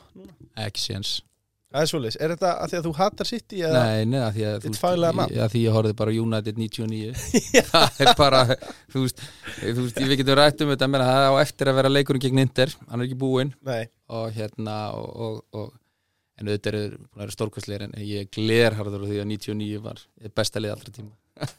Og liðið 99 var það með besta þjálfar allra tíma? Klárt, Já. Klárt. Uh, Nei, þetta er enda góð punktur þær, ég meina, segjum, setjum sem svo að segjum sem svo að þeir myndu tapa núna. Þá er þeir ekki búin að taka þann stærsta sko. Nei, það myndi aðeins breyta narratífinu sko. aðeins, það myndi gera það en, en ég er ansið hrættur um að það takja hann samt. Já, ég held að líka. það er allar líkur á því. Uh, Lengja, minna það að þið getið veið á úslit mistara dildarnas og þið fáið herri stuðilega að setja á Inter, þið hafið það frá mér það eru áræðanlegar heimildir en svo getið sitt alltaf tekið þetta. ekki að alltaf tekið en þetta. þetta geti líka farið eftirfli Nei, þetta er ekki. Já, í velnum leiktíma sko. Já, rétt, uh, Við vorum aðeins að tala um Makkværi á hann þegar við vorum búin að tala um De Gea. Já, Birgir, vil þið bara segja það? er, já. Uh, já, um, Birgir, þú reynda tókst á lengjunni núna um helgina. Já, ég sett á uh, Litaður að reyni var að koma í þáttinn og sett á United uh, Tapa á því En þú veist, ég, þá voru samt meira bara Þú veist, ég hafði engan áhuga að horfa á hann leik þannig. Þú veist, það er erfitt að horfa á fótballleik þegar maður heldur ekki með. Já, Þá þarf maður að setja spenni í það var gaman að setja spennileikin, sammála því. Um, Sko, reynir, það er komið að ferlinum. Já. En áður en við byrjum á honum þá langaði mig að ræða eins við Af hverju ákast að hætta í þjálfun? uh, Það er svona það voru kannski nokkra ástæða fyrir því. Uh, Mér langaði alltaf þegar ég var ungu drengur og ég alltaf að vera fótboltaþjálfari. En, en hérna og, og svo bara fer, fer lífið einhver áttir. En, en ég hoppaði þetta og tók við hákáliðinu og hérna var bara á bara nokkuð gaman. En, en ég svona sá það fljótlega þú veist, ég var kannski ekki á eitt sáttu með allt þarna sem að hérna, alltaf sem ekki að koma með hérna en, hérna voru svona nokkur hluti sem fóru aðeins í skapið á mér en, en, en svo var það bara þannig að þú veist vera stjórnandi í fyrirtæki uh, og að vera stjórnandi inn á fótboltavelli þetta, þetta er mikið og, og þú, þú veist það er voru hætt á því að þú veist eitthvað þurfa að söffura fyrir það Mhm. og, og það er bara þannig með þjálfunna að, að þú þart að vera inn í heilsugar Mhm. og ég sá bara ekki fram á það að ég gæti það uh, hérna og, og kaus mér aðra vegferð heldur heldur en knarsbundið þjálfun og, og, og í raun og veru bara þá var það heðilegasta nálgun að að stíga til hliðar og setja fullan fókus á, á önnur verkefni sem ég var í. Já, við rættum með þeim við uh, Greta Sigfinn í síðustu viku og hann kom með dóldi góðan punkt sem hann langar að ræða við þig. Það sem hann talaði um sko, hann var einmitt þessu markmið, hún langaði alltaf að vera þjálfari og búin að klára uh, me, þarna, mentunum fyrir þjálfun og annað. En svo kannski ef við tökum bara lífstílin þú veist, þetta er eins og þú talaður um að þú ert ekki lélugu þjálfari þú setur reikin, þetta er lítið atvinnur ekki og þú eiginlega einu sem er bókar verður reikin nokkur sinnum fyrir allt sumar í þetta ekkit frábælega greitt og svo framvegis. Þú veist, þetta er kannski verður maður ekki bara að gefa kannski smá rósa á þess að þjálfara sem að nennar standa í þessu? Því að þetta er kannski ekki eitthvað það öfundsverður lífstíl sko, allavega hérna á Íslandi sko, það er ekki svo að sé að fá marga miljónum borgaðar sko fyrir þetta. Nei, þetta, þetta snýr bara þú veist frá hvað sjónarhornið þú horfir á þetta. Þetta er, þetta, þetta er lífstíl og þetta er ástriða líka þessara manna. Og þess vegna ber maður mikla virðingu fyrir þessum mönnum sem eru. En þeir eru þetta að þetta gefur þeim líka helling. Og þetta gefur það manni mikið að vinna við áhuga mál sitt. Og ég, þú veist, maður gerir sér grein fyrir að þetta er áhuga málu þeirra, þetta er ástriðan þeirra. Þannig að hérna, það er ekkit allir svo hefnir í lífinu að fá að vinna við ástriðinu sína. Þannig að það er plúsin. Uh, en, en svo er þetta auðvitað gríðileg vinna, lítið starfsörgin svo það er og, og, og hérna, hérna og svona óheðbundin vinnutími. Já, þannig að þú veist, þetta eru plúsar og mínusar í það en, en þeir sem að eru að hella sér út í þetta, þeir þurfa þetta bara að vera og eru, ég gerir ráð fyrir því að þessir menn í dag, þeir eru bara já, og þú veist, þeir bara þú veist, þeir elska þetta. Þannig að þú veist, allar áhyggjurnar sem þeir hafa og allar sveiflunar upp og niður ég held að hitt svolítið hérna taki yfir samt sem áður að þetta er ástriðan þeirra og, Mhm. og, og, þú veist, og þeir eru góður í þessu. Já, en ég ber mikla virðingu fyrir þeim sem að hérna þeim sem að hérna velja sér þetta og, og, minna, og, og þetta er farið að greiða þeim nokkuð vel mörgum sem þjálfurum þannig að þetta er alveg atvinna Mhm. og hann er hérna þetta var ekki eins og þegar Óli Þórða var að þjálfa okkur og, og hann hann bara vorum rétt að fagna sigri eða grenja eitthvað tap að, þú veist þá var hann komin og ég er ekki að ljúga þessu þú veist þá var hann komin í trukkagallan á leiðin út í bíl að fara að vinna. Já. Þú veist það var hann kannski bara langt fram á nóttu. Það var ekki tími til að fagna? Nei, þú veist, hann fagnaði með okkur og svona Já, en, já. en svo bara var hann yfirleitt farin í vinnu bara, þú veist, hérna, þú veist, bara beint eftir og þú veist, Já. hann vann þanga til að klukkan, þú veist, sem aðingin að vera á þeim tíma hálf sex, þú veist, þá vann hann bara til fimm. Já, og þú veist, og var með okkur æfingu og svo fór hann yfirleitt aftur að vinna. Og þú veist, glerharða vinnu. Já, og þetta var svolítið svona gangun í þessu, ég held að hann hafi verið svona mest ekstrím dæmið, sko, já, en í dag er þetta fullt starf og það á að vera það finnst mér. Já, það ekki? Jú, það á að vera það, menn verða að gera þetta af því að það fara að greiða fín laun fyrir þetta. Þannig að ég ætla ekki að vorkina þeim ómikið sem er í þessu af því að ég veit að þetta er ástriðan þeirra. Og það er bara, það geta verið fórreitind að fá að vinna við eitthvað sem þau verið ástriðið fyrir. Já, algjörlega. Og þá eru það, þú veist, þú getur gripið bara eins og leikmenn í bestöldinni líka Þú veist, eins og segir, það er verið að byrja að borga ágætlega fyrir þetta Og þá eiga gæðin að hækka umfram það og annað. Þannig að þú veist, við erum að horfa í bara Við erum að borga þeim góð laun Þannig að þá eiga bara menn að leggja sig fulla í þetta Ekki verið í öðru með, er það ekki? Jú, en það er, þú, þú ert bara reynda með svo breytt bíl sko, bara með Já. svo breytt bíl með suma sem eru rosalega vel borgaðir en aðrir eru bara, veist, sem lifa ekkert á sig sko, þannig að aftur þú ert ekki með heilt atvinnumanna lið, þú ert með mjög blanda lið þar sem að hérna eh, þannig að það sem að munurinn getur verið alveg gríðalegu sko. Algjörlega uh, Sko Nú erum náttúrulega komin með nýja landsliðsjálfara komin með Eh, Hvernig líst þér á Óge Horæti? Frábælega. Er Það ekki? ég er ekkert smá sátur og hérna, hlakka mikið til að, að fara á þessa leiki. Ég er þetta að missa fyrirleiknum en að fara á portugalsleikin ég held að við sem það var bara, við þurfum svona gæja. Já, og hérna sem nýtur mikill af virðingar uh, hérna reynslu mikill uh, strákarnir líta mikið upp til, ég ger bara ráð fyrir því. Mhm, talandi um kultúr, aga annað slíkt, þannig að hérna ég held að við hefðum ekki getað fengið betri, betri þjálfara í verkefni heldur en hann. Nei Sálega því. Nei, þetta er stórt nafn, ekki spurning. Uh, Getum við tekið One Last Dance með gullkynsluður okkar? Var það á EM 2024? Já. Það fer, fer eftir þessum tveimur leikinu núna. Já, fjögur stig þar, þá, þá, þá skal ég segja að við getum tekið já, þurfum að fá stiga mútið Portugal já, já. en með gullkynnslóðin en svo er þetta bara, þessir yngri leikmenn verða líka stig upp. Þú veist, gullkynnslóðin hérna er, að- er einhverjar svona Leifar. Leifar af henni en, en svo eru aðrir hérna sem þurfa að taka stórskref mhm, þannig að hérna, ef það smellur þá eigum við séns. Mm, Frum er ég að næstu spurningu. Og ja, þeir eru að næstu tvær spurningar. Það spyrir annars vegar, er júni þinn skoðunamánuður? Og ef svo er, drifðu þið þá? Þetta er ekki spurning, þetta er bara, þetta er bara að segja. Já, þetta er meira skipun. Uh, Þjónustu fyrirtæki á skoðunar og prófunasvið og þjónustu að viðskiptaðin um allt land. En Eh. þeir spyrja einnig Hvað er besta lið sem Reyni Leósson hefur verið hluti af? Það var að tala um sko eitt tímabil. Eitt tímabil? Já.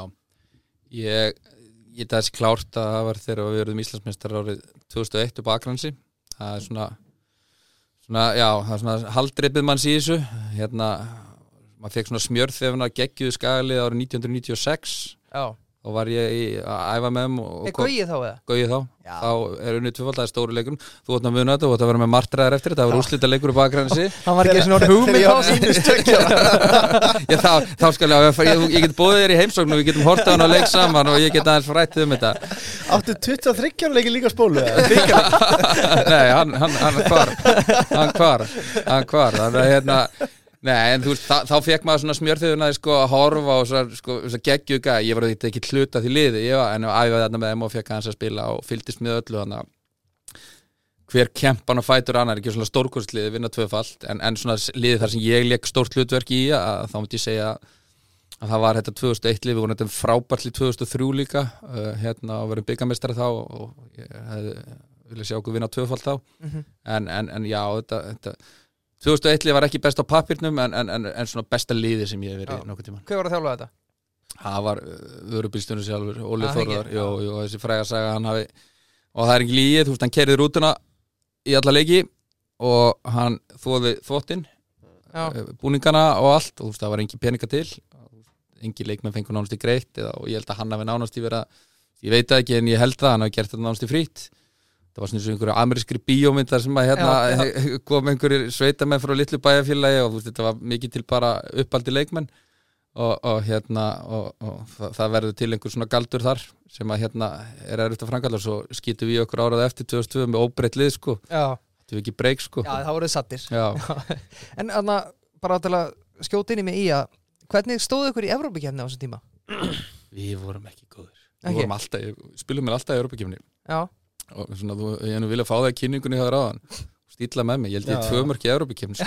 Það er Helmingi svoleiðis. fleiri heldur Það er þú varst á stóra svið Þetta er guld spjald af mig fyrir heimaðurinn Já, þannig að ég var miklu betri í heitu loftslægi og, hérna, þá var ég mýkri sko, eins og ég kannski sjá þegar ég gengum gólfin ég er mjög styrður og það var líkin á vellin þegar ég fór í heitaloftið þá var ég mjög mjúkur og hérna, nei við vorum ekki góður eins og bara önnur mörg íslensk lið voru en, en hérna en reyndar var svona akrænsliðin og undan mér ég meina, ég horfði á eftirminnastu leikur sem ég sé, það var í að fæin út Já, fæin út hollenski meistarar. Já. Það er aftur áður en þið eru fættir en, en hérna, Var Pétur Péturs þetta? uh, nei Arna Gunnlaugs Já, já, var í, í já svona gammal já. Það er rólegur. Pétur Pétur, veist, það getur verið pappið minn sko. Ja, en, hérna, en þá, þá vinna þeir uh, hollensku meistarana já, já, já, og hann að hérna, hann að hérna en við, við vorum ekki sérstakir eða við vorum bara frekar slakir og íslensku liðin voru bara íslensku liðin í dag finnst mér að vera miklu betri en Við, við tölum aðeins um þetta áðan Þannig var náttúrulega engin að gera þetta Það var engin að fá alla greitt fyrir þetta. En það nokkuð? Þegar ég er að spila? Já, ef við erum að tala um þetta Íslamestarlið 2001 sem dæmi. Já, jú, eh, það var alveg farið að fá greitur en, en Akarnslið bara var eða bara gjaldtrúta Já. og það var bara, já það og var flóttið að leikmönnum að því að það var ekki hægt að greiða laun og svo sátum við eftir þarna nokkri eða sátum bara, vorum stoltir að það vera eftir og, og, hérna, og það tóku sér allir saman í því að- að að flikja sér á baku félagið og, og spila bara áfram.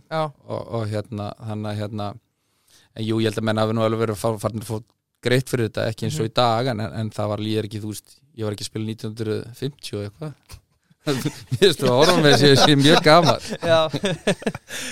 Og það komið sjónvarp hann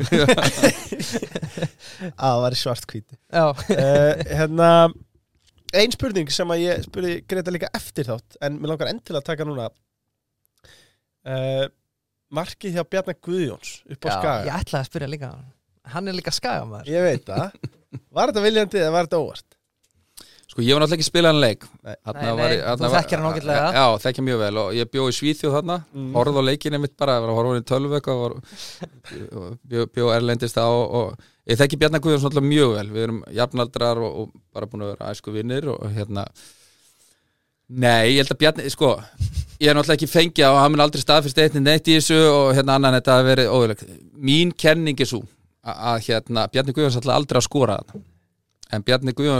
Að, að að sparkvistasti maður sem ég spilaði með nokkuð, nokkuð tímanum ferlinum. Hann, að ég, hann ætlaði eitthvað aðeins að grill í þeim. Og þú veist, og aðeins að setja eitt krefjandi þarna sem að verði til þess bolti fyrir inn. Það, það held ég sko sé máli, hann ætlaði aldrei að skora. Hann ætlaði að æsa sann Það er að fá svo rétt yfir eða? rétt yfir eða rétt fram í eða bara þú eitt krefjandi og Ómar vinsin í markinu þarna, þú veist það er bara þannig. Hann að hérna, að hérna en mistökinu þetta sem að eiga sér stað þarna og svo hefur maður alltaf verið veist, að, að gera sér breiðan og svo ef ég hef verið að spila hana leik, veist, ég hef bara, bara left, ég hef left um að skora. Já, já, já. Og þú veist, og ég vil ennþá standa því að, að, að maður hefði gert það, en svo ertu með Gauja Þóruður á hliðalínu, sko, sem að skítrættu við og, og sem að segja bara nei. Að það held ég sé, þú veist, það er verra. Þannig að þú veist, ég var ekki aðna en, en Bjarni ætlaði ekki að skora, en hann er ansið sparkvis og hann getur sett bolta nánast í það sem hann vil setja hann þannig að hérna, þetta var eitthvað svona en Gauja átti náttúrulega bara, og ég held að flestir í liðinu hafa nú bara viljað leifa þeim að skora aftur, sko Gauði vildi það ekki Ég var ekki hérna, þannig ég hef ekki svo sem ok, fengið að ok. staðfest en, en mér finnst það nú svona líklegast að, að flestir hérna hafi viljað hérna, ég, þetta var við alveg glata sko. Já. Já. Þetta er rosa. Þetta er- iconic Já, ekki- ég er ekki kitti, ég man ekki hverju að dæma kitti jaki eitthvað sem að kvíslar í eira á bjarnar svona þegar þeir eru fimm sekundur eftir ég er að fara að flauta eftir fimm sekundur og þá byrjar hann og hleypur já, já. hleypur sko á stað upp í klefa og allt keflaði ykkur lið og eftir honum bara þú veist leið og kitti á hann að flauta en hann á að þjóstarta þarna vel sko. Þetta Blóð heiti rosa. suðinu sem ennum eftir en Bjarni toppmaður þannig að ég veit að hann ætlaði, hann ætlaði ekki að skora. Það er líka smá gangur inn í klefa hann upp á skaga það er alveg þarft alveg þjófstart sko. Gangur á sér. Um, Strákar Tökum aðeins Íslandsmeistarditilin 2001 Já, Sko, við erum svo ungir en það Þú ert 30 ára, ég er 5 ára Þið vinnið þetta á markatölu Já. Hvern, Hvernig var loka umfyrir, hvernig var aðdraðendin að þessu?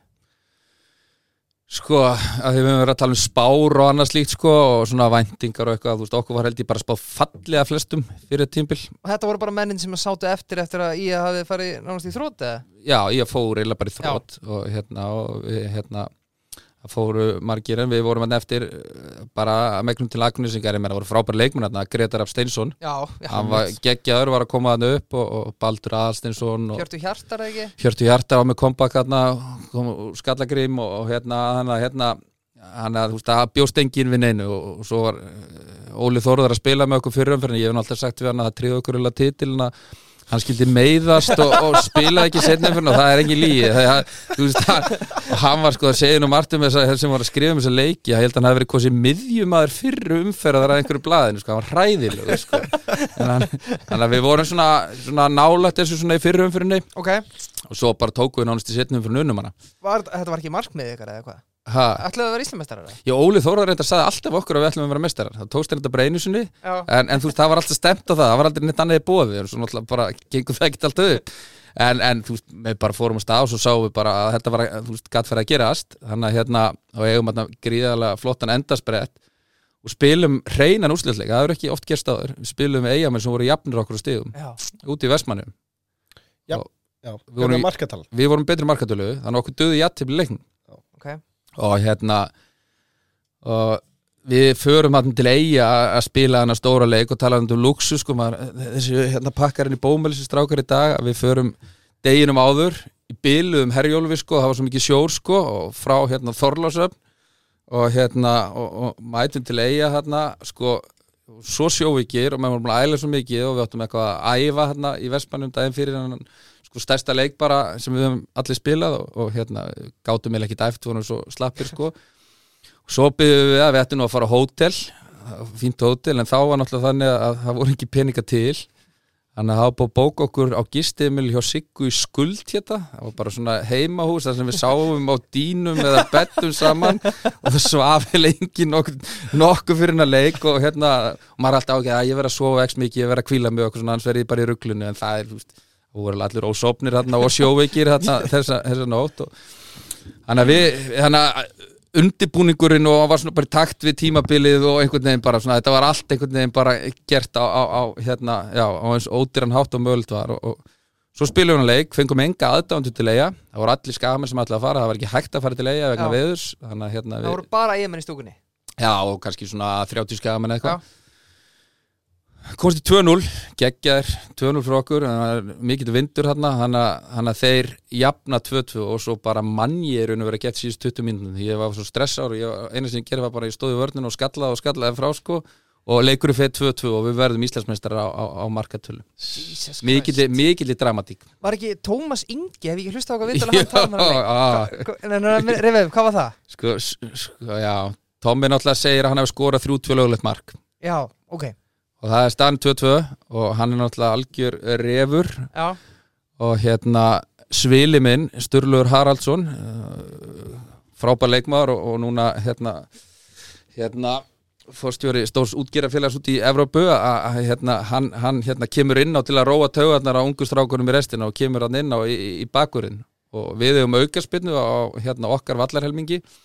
Og hann alltaf svona aðeins að tefja aukarspinna var í raun og svona tíu metrum aftar heldur en að boltin var. Ok þannig að ég sko, hveit fólk til að skoða þetta að þetta var aldrei mark en, allavega þannig að Ólafur Gunnarsson var í markinu hjá okkur og hann er svona að dúla sér út í markinu og styrra allar hans að tefja og íti boltan sparkar hún svona til Óla þessa tíu metra aftar sem Já, aukarspenn átt að vera nema þá hleypur Tómas á stað tekur boltan, stelur honum, hleypur með hann allarleið marki og skora og fagnar og allt eiginleið bara stað.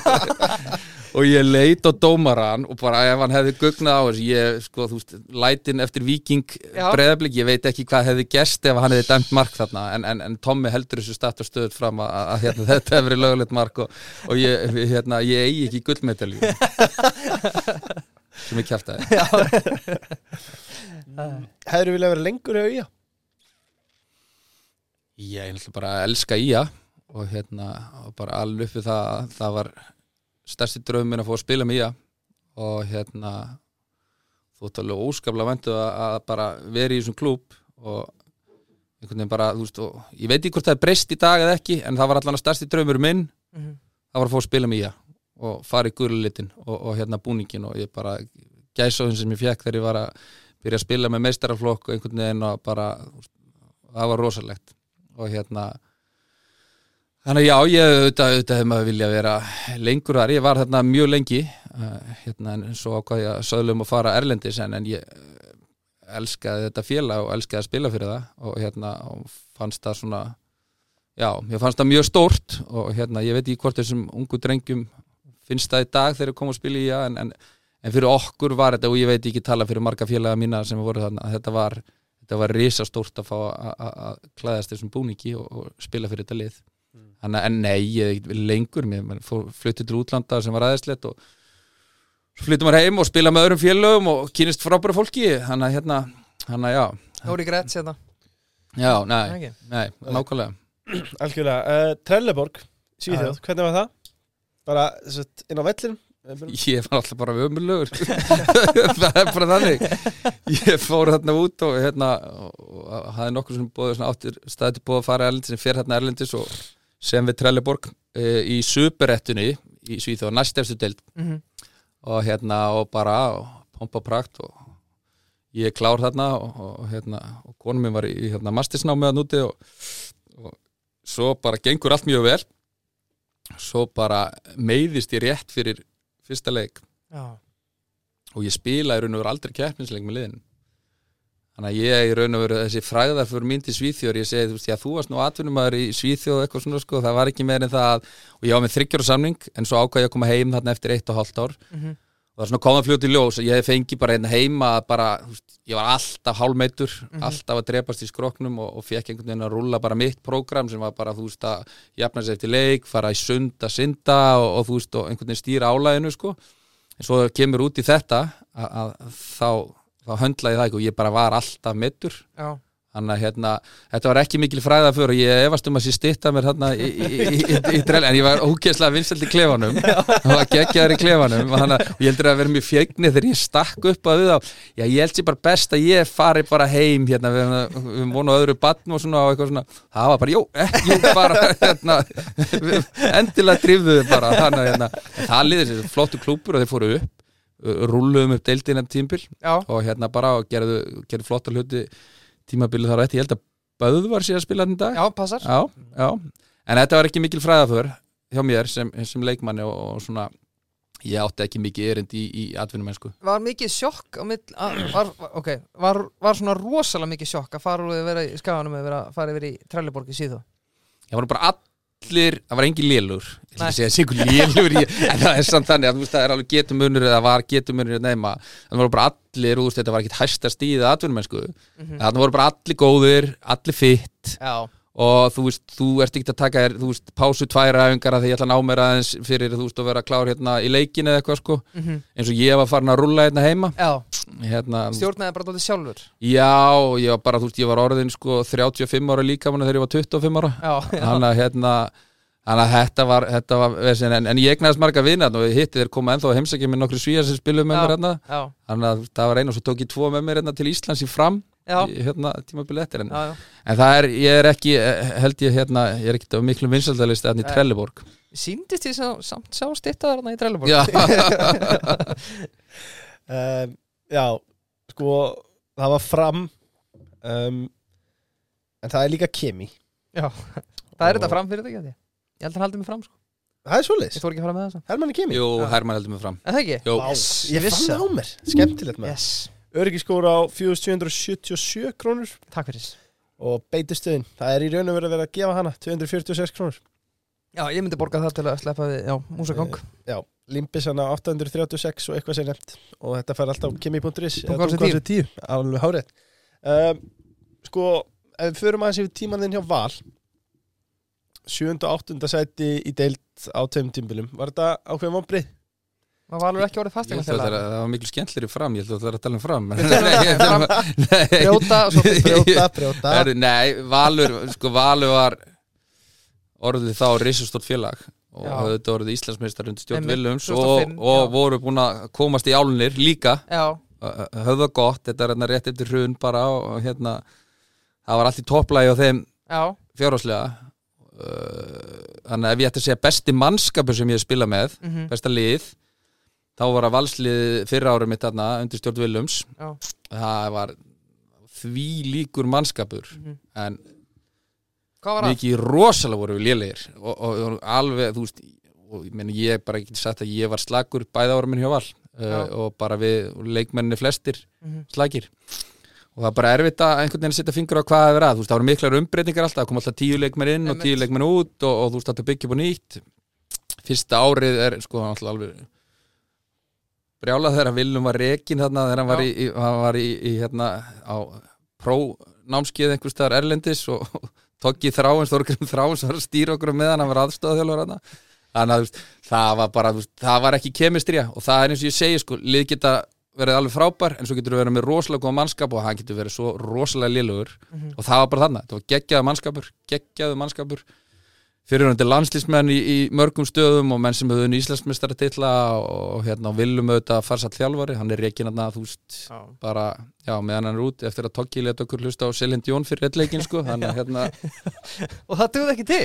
Nei, það er enda döðut, það er döðut þess sko að, Þorgrimur sko hérna þetta er held ég ennþá fljótasta mark í, í sögu deildarinnar.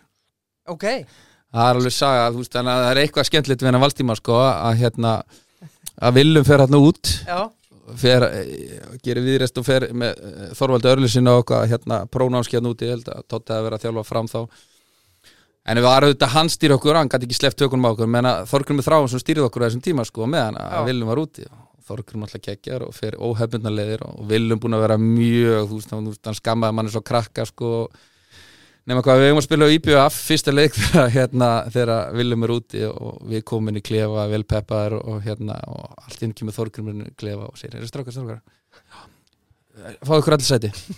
Og við bara já, við setjumst niður og hérna og þá sem, herri, ég ætla að byggja ykkur um að loka allir augunum.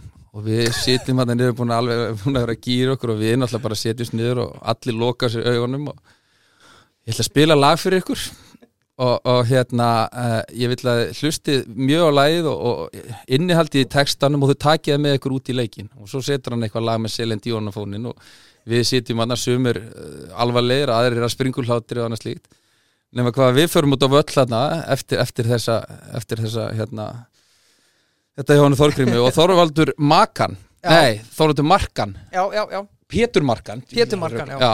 hann skora held ég eftir 13 sekundur í þessu leik og ég held að það sé ennþá eða fljótasta marki sem hefur verið skorað. Já, já.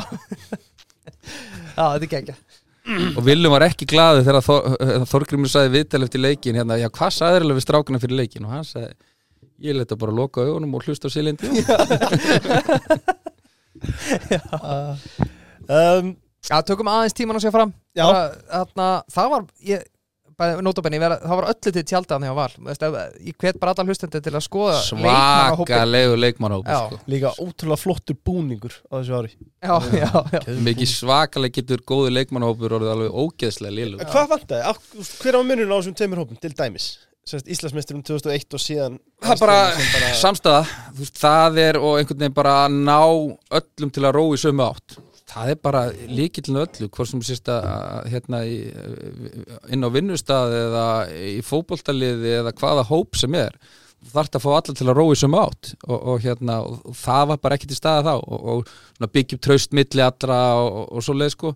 Þannig að hérna, það held ég að hafa verið stóri munurinn, Meina, við höfum séð bara Erlendis og hér þú veist, frábær lið á pappirum bara svo ekki geta raskat sko. Já, og þannig að það, það bara gerist þar og svo voru þrýr þjálfara á þessu tímabili líka eh, þú veist, eða fjórir á þessum tveimur árum. Já, þannig að hérna það var, það, já, þetta var bara en það var mjög gaman af því að þarna spilaði ég með skemmtilegasta manni sem að íslensk fótbolta það er Sigurbjörn Treyðarsson það var alltaf hlegið og, og hérna. Að Er hann fyndin er hann fyndin, Já. þetta var fyndnasti maður þannig að þú veist, eða þið ætla að fá einhvern þú veist, einhvern fyndin hérna það hann á endalista sögum og Aha. mikill eh, sagnamaður og bara, hann er svona topp þrýr skemmtilegasti maður sem ég hef hérna spilað með. Ég horfði á hann og hugsaði þessi maður renni textur á æfingum. Já, já, Hann, hann var harður. Já, en svo er það bara Grjótarður. brandari sko leiðan er búin að reyntakla þig. Já, þá bara er, er gó, góðu fimmur strax á eftir og veist, alltaf gaman í kringum hann og, og þú veist og, og hann auðvitað bara að gengi í gegnum margt þarna þannig að hérna en, en ja, hann er einna bestu svona valsmyndi ég segja og, og Já, bara alg, legend. já, club legend og bara því líku toppmaður innan sem utan vallar. Já. En já, þarna, örstuð annar gott dæmi um grótarður eða linur Já, sköllóttur, nákvæmlega, takk. Uh, Fram, þið þurfum ekkert að fara í á bara nei, mér langar samt að taka fram að því að hvern, Mér langar aðalega að spyrja það bara var þetta fram, þú kemur heim þá eftir, þú ferði fram beintið til Trelleborga ekki? Jú. uh, kom þá ekki til greina að fara í skagan og voru mörglið sem kom til greina og eða, hvernig ægslaðist þá fórst þið fram? Já, það voru mjög mörg lýsum komið til greina og, og alveg að fara upp á skaga. Ég er svona hérna en tögin, það var, það var líf og fjöri fram það var FL grúp var já, allt á flegi ferð og, og hérna þannig að það, það, það, það var alveg hugsað ágætlega um hann þegar maður var á leiðinni heim en, en svo var þetta líka þannig bara Óli Þórðar. Mm ég er svolítið svona rauðið þráður í gegnum alla minn feril eins mikið hann er búin að öskra mann og skamma mann og búin að segja maður sé aumingi þú veist, svona á, á góðan hátt að, að þá einhvern veginn fór maður yfirleitt það sem hann var þannig Já. að hann, hann í raun og veru var stærsta aðdráttur af því að hann hefði tekið við fram hann já, og, og hérna og, og, hann var með fram, ég var Já. að gleyma því sko. hann var með fram sko já, hann tekur við fram hann áskýri elfemi liðið upp og þeir láta hann fara eftir tímbilið og Óli tekur liðið þarna þeir eru Já. nýlegri dildinni þarna Já. þegar ég kem Já. þannig að það er Óli sem að drómið og þangað þið náðu mjög góðum árangri við vorum ekki sérstakki fyrsta tímbili. Nei, og svo þriðja sæti hann á hvað? svo tekur Þorvaldur Óli látið fara. Já, og annar, það er eitt frábæð þjálfari Þorvaldur Öljusson, hann tekur liðið og við náum hann að þriðja seti og já, bara með geggja lið sko. Já. Ég, ver- ég verð að gefa sjátt að þú tala um Þorvaldur Örlíksson Viktor Unnar Rilluðarsson sem er nú einn okkar besti vinnur hann segir að Þorvaldur Örlíksson sé mesti kongu sem er þjálfað hann á æfinni sko. Já, hann er svona, hann er, hann er svona fast á hæla Óla Þorðar að mínu viti hjá mér, Já. en Þorvaldur var frábæð þjálfari og bara já, geggja, sko, þú vilt ekki vera röngu megin og línunni honum, nei, sko, nei, þá er til vesinni algjörlega. Er einhver þjálfari sem hún lendir röngum einu á línu við? Nei, veistu, ég bara held ekki. Ég bara, ég einhvern veginn eh, tamið með það að bera virðingu fyrir þeim sem er að þjóla mig.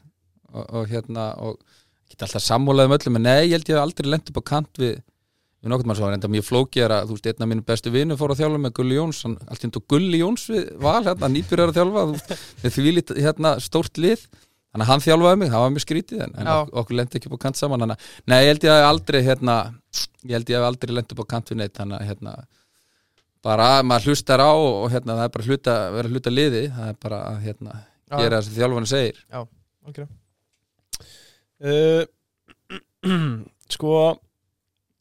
það Stráka, við þurfum að taka reyttara spurningarnar já, það eru margar í dag. Það eru margar í dag. Fengum margar aðsendar. sko. En mér langaði líka að minna peiti að sjálfsög já, já, sjálfsög, Já, því að þetta eru náttúrulega bestu vinir lítilla og meðalstóra fyrirtækja. Rétt. Jamt sem einirkja já, Og ég hveti alla til þess að skoða þetta. Til dæmis ef þið eftir að skila virðisaukaskattin já, þá var það fyrir 5. júni uh, það er þetta voru seint en atna, næst þurfa skilunum Peiti sjá það eins og Martana Senda reikninga og, og greiða laun og annað Þetta er algjör snilt. En uh, reyni, við þurfum að fara eins yfir Sko Mér langar að taka eina umræðu. Nú verið mikil umræða hvort að ungir knattspinnumenn ættu að spila hérna heima lengur eða fara út í atvinnumennsku. Atvinnumennsku fyrir ekki uh, eða, og, og akademíur þar leðandi mm, Þú spilar heilengi heima áður en þú reynir fyrir þér í atvinnumennsku. Í þessari fræða för Já, áður fer í frægðarför. þessa útför. Já, gott, þú nefndir þetta útför. Já, það er, betra orð. Það er ekki stitta en það er hann að kista. Já, þú að, þú nær að menta því klárar meðal hans MBA gráðu uh, sem að, og ert í dag farsætli í atvinnulífinu, fórstuðu Marja enn einum. Hver er svona þín skoðun á þessu fyrir unga leikmenn? Þetta er, er þetta ekki þetta klassíku svar sem að flestir hafa sagt við okkur persónulegt. Já, persónulegt, það er ekkit eitt rétt svar Já. og allt það sko. Þú veist, það er auðvitað bara, þú veist, mér stóð til bóða að fara ungum út. Mm -hmm. uh, Ég kaus að gera það ekki og svo sá ég alveg svakalega eftir því að því að svo bara voru tækifærin ekki droslega mörg eftir því. Þannig að það er einhvern veginn bara, þú veist, ég held að sé engin rétt leið uh, þú veist, en, en þetta Já, ekki statistíkin yfir en það hef ekkert margir rúlaði gegnum úrlingarlega Erlendis Akademi og komið svo upp í aðaliðið en Mhm. það eru þó, það gerist. Þannig að hérna ég, þú veist í enda dags, þetta voru alveg eitthvað svona þriðin svarin, þú veist, að, hérna, þú veist aðalega vill bara maður að þetta verði flottir einstaklingur af því að maður hefur séð rosalega margar sem að fara ungir og reyna fyrir sér Mhm. og það er einhvern veginn ekkert net sem grípur og þeirra vonbriðin verða mikil. Þannig að það er kannski sögurnar sem að koma aldrei fram. Þú veist, maður tók bæði þegar maður var þjálfari og þegar maður var leikmaður og tók maður á móti ungum drengjum sem voru bara svolítið með brotnar sjálfsmynd eftir að, hérna stóri draumurum var ekki rætast.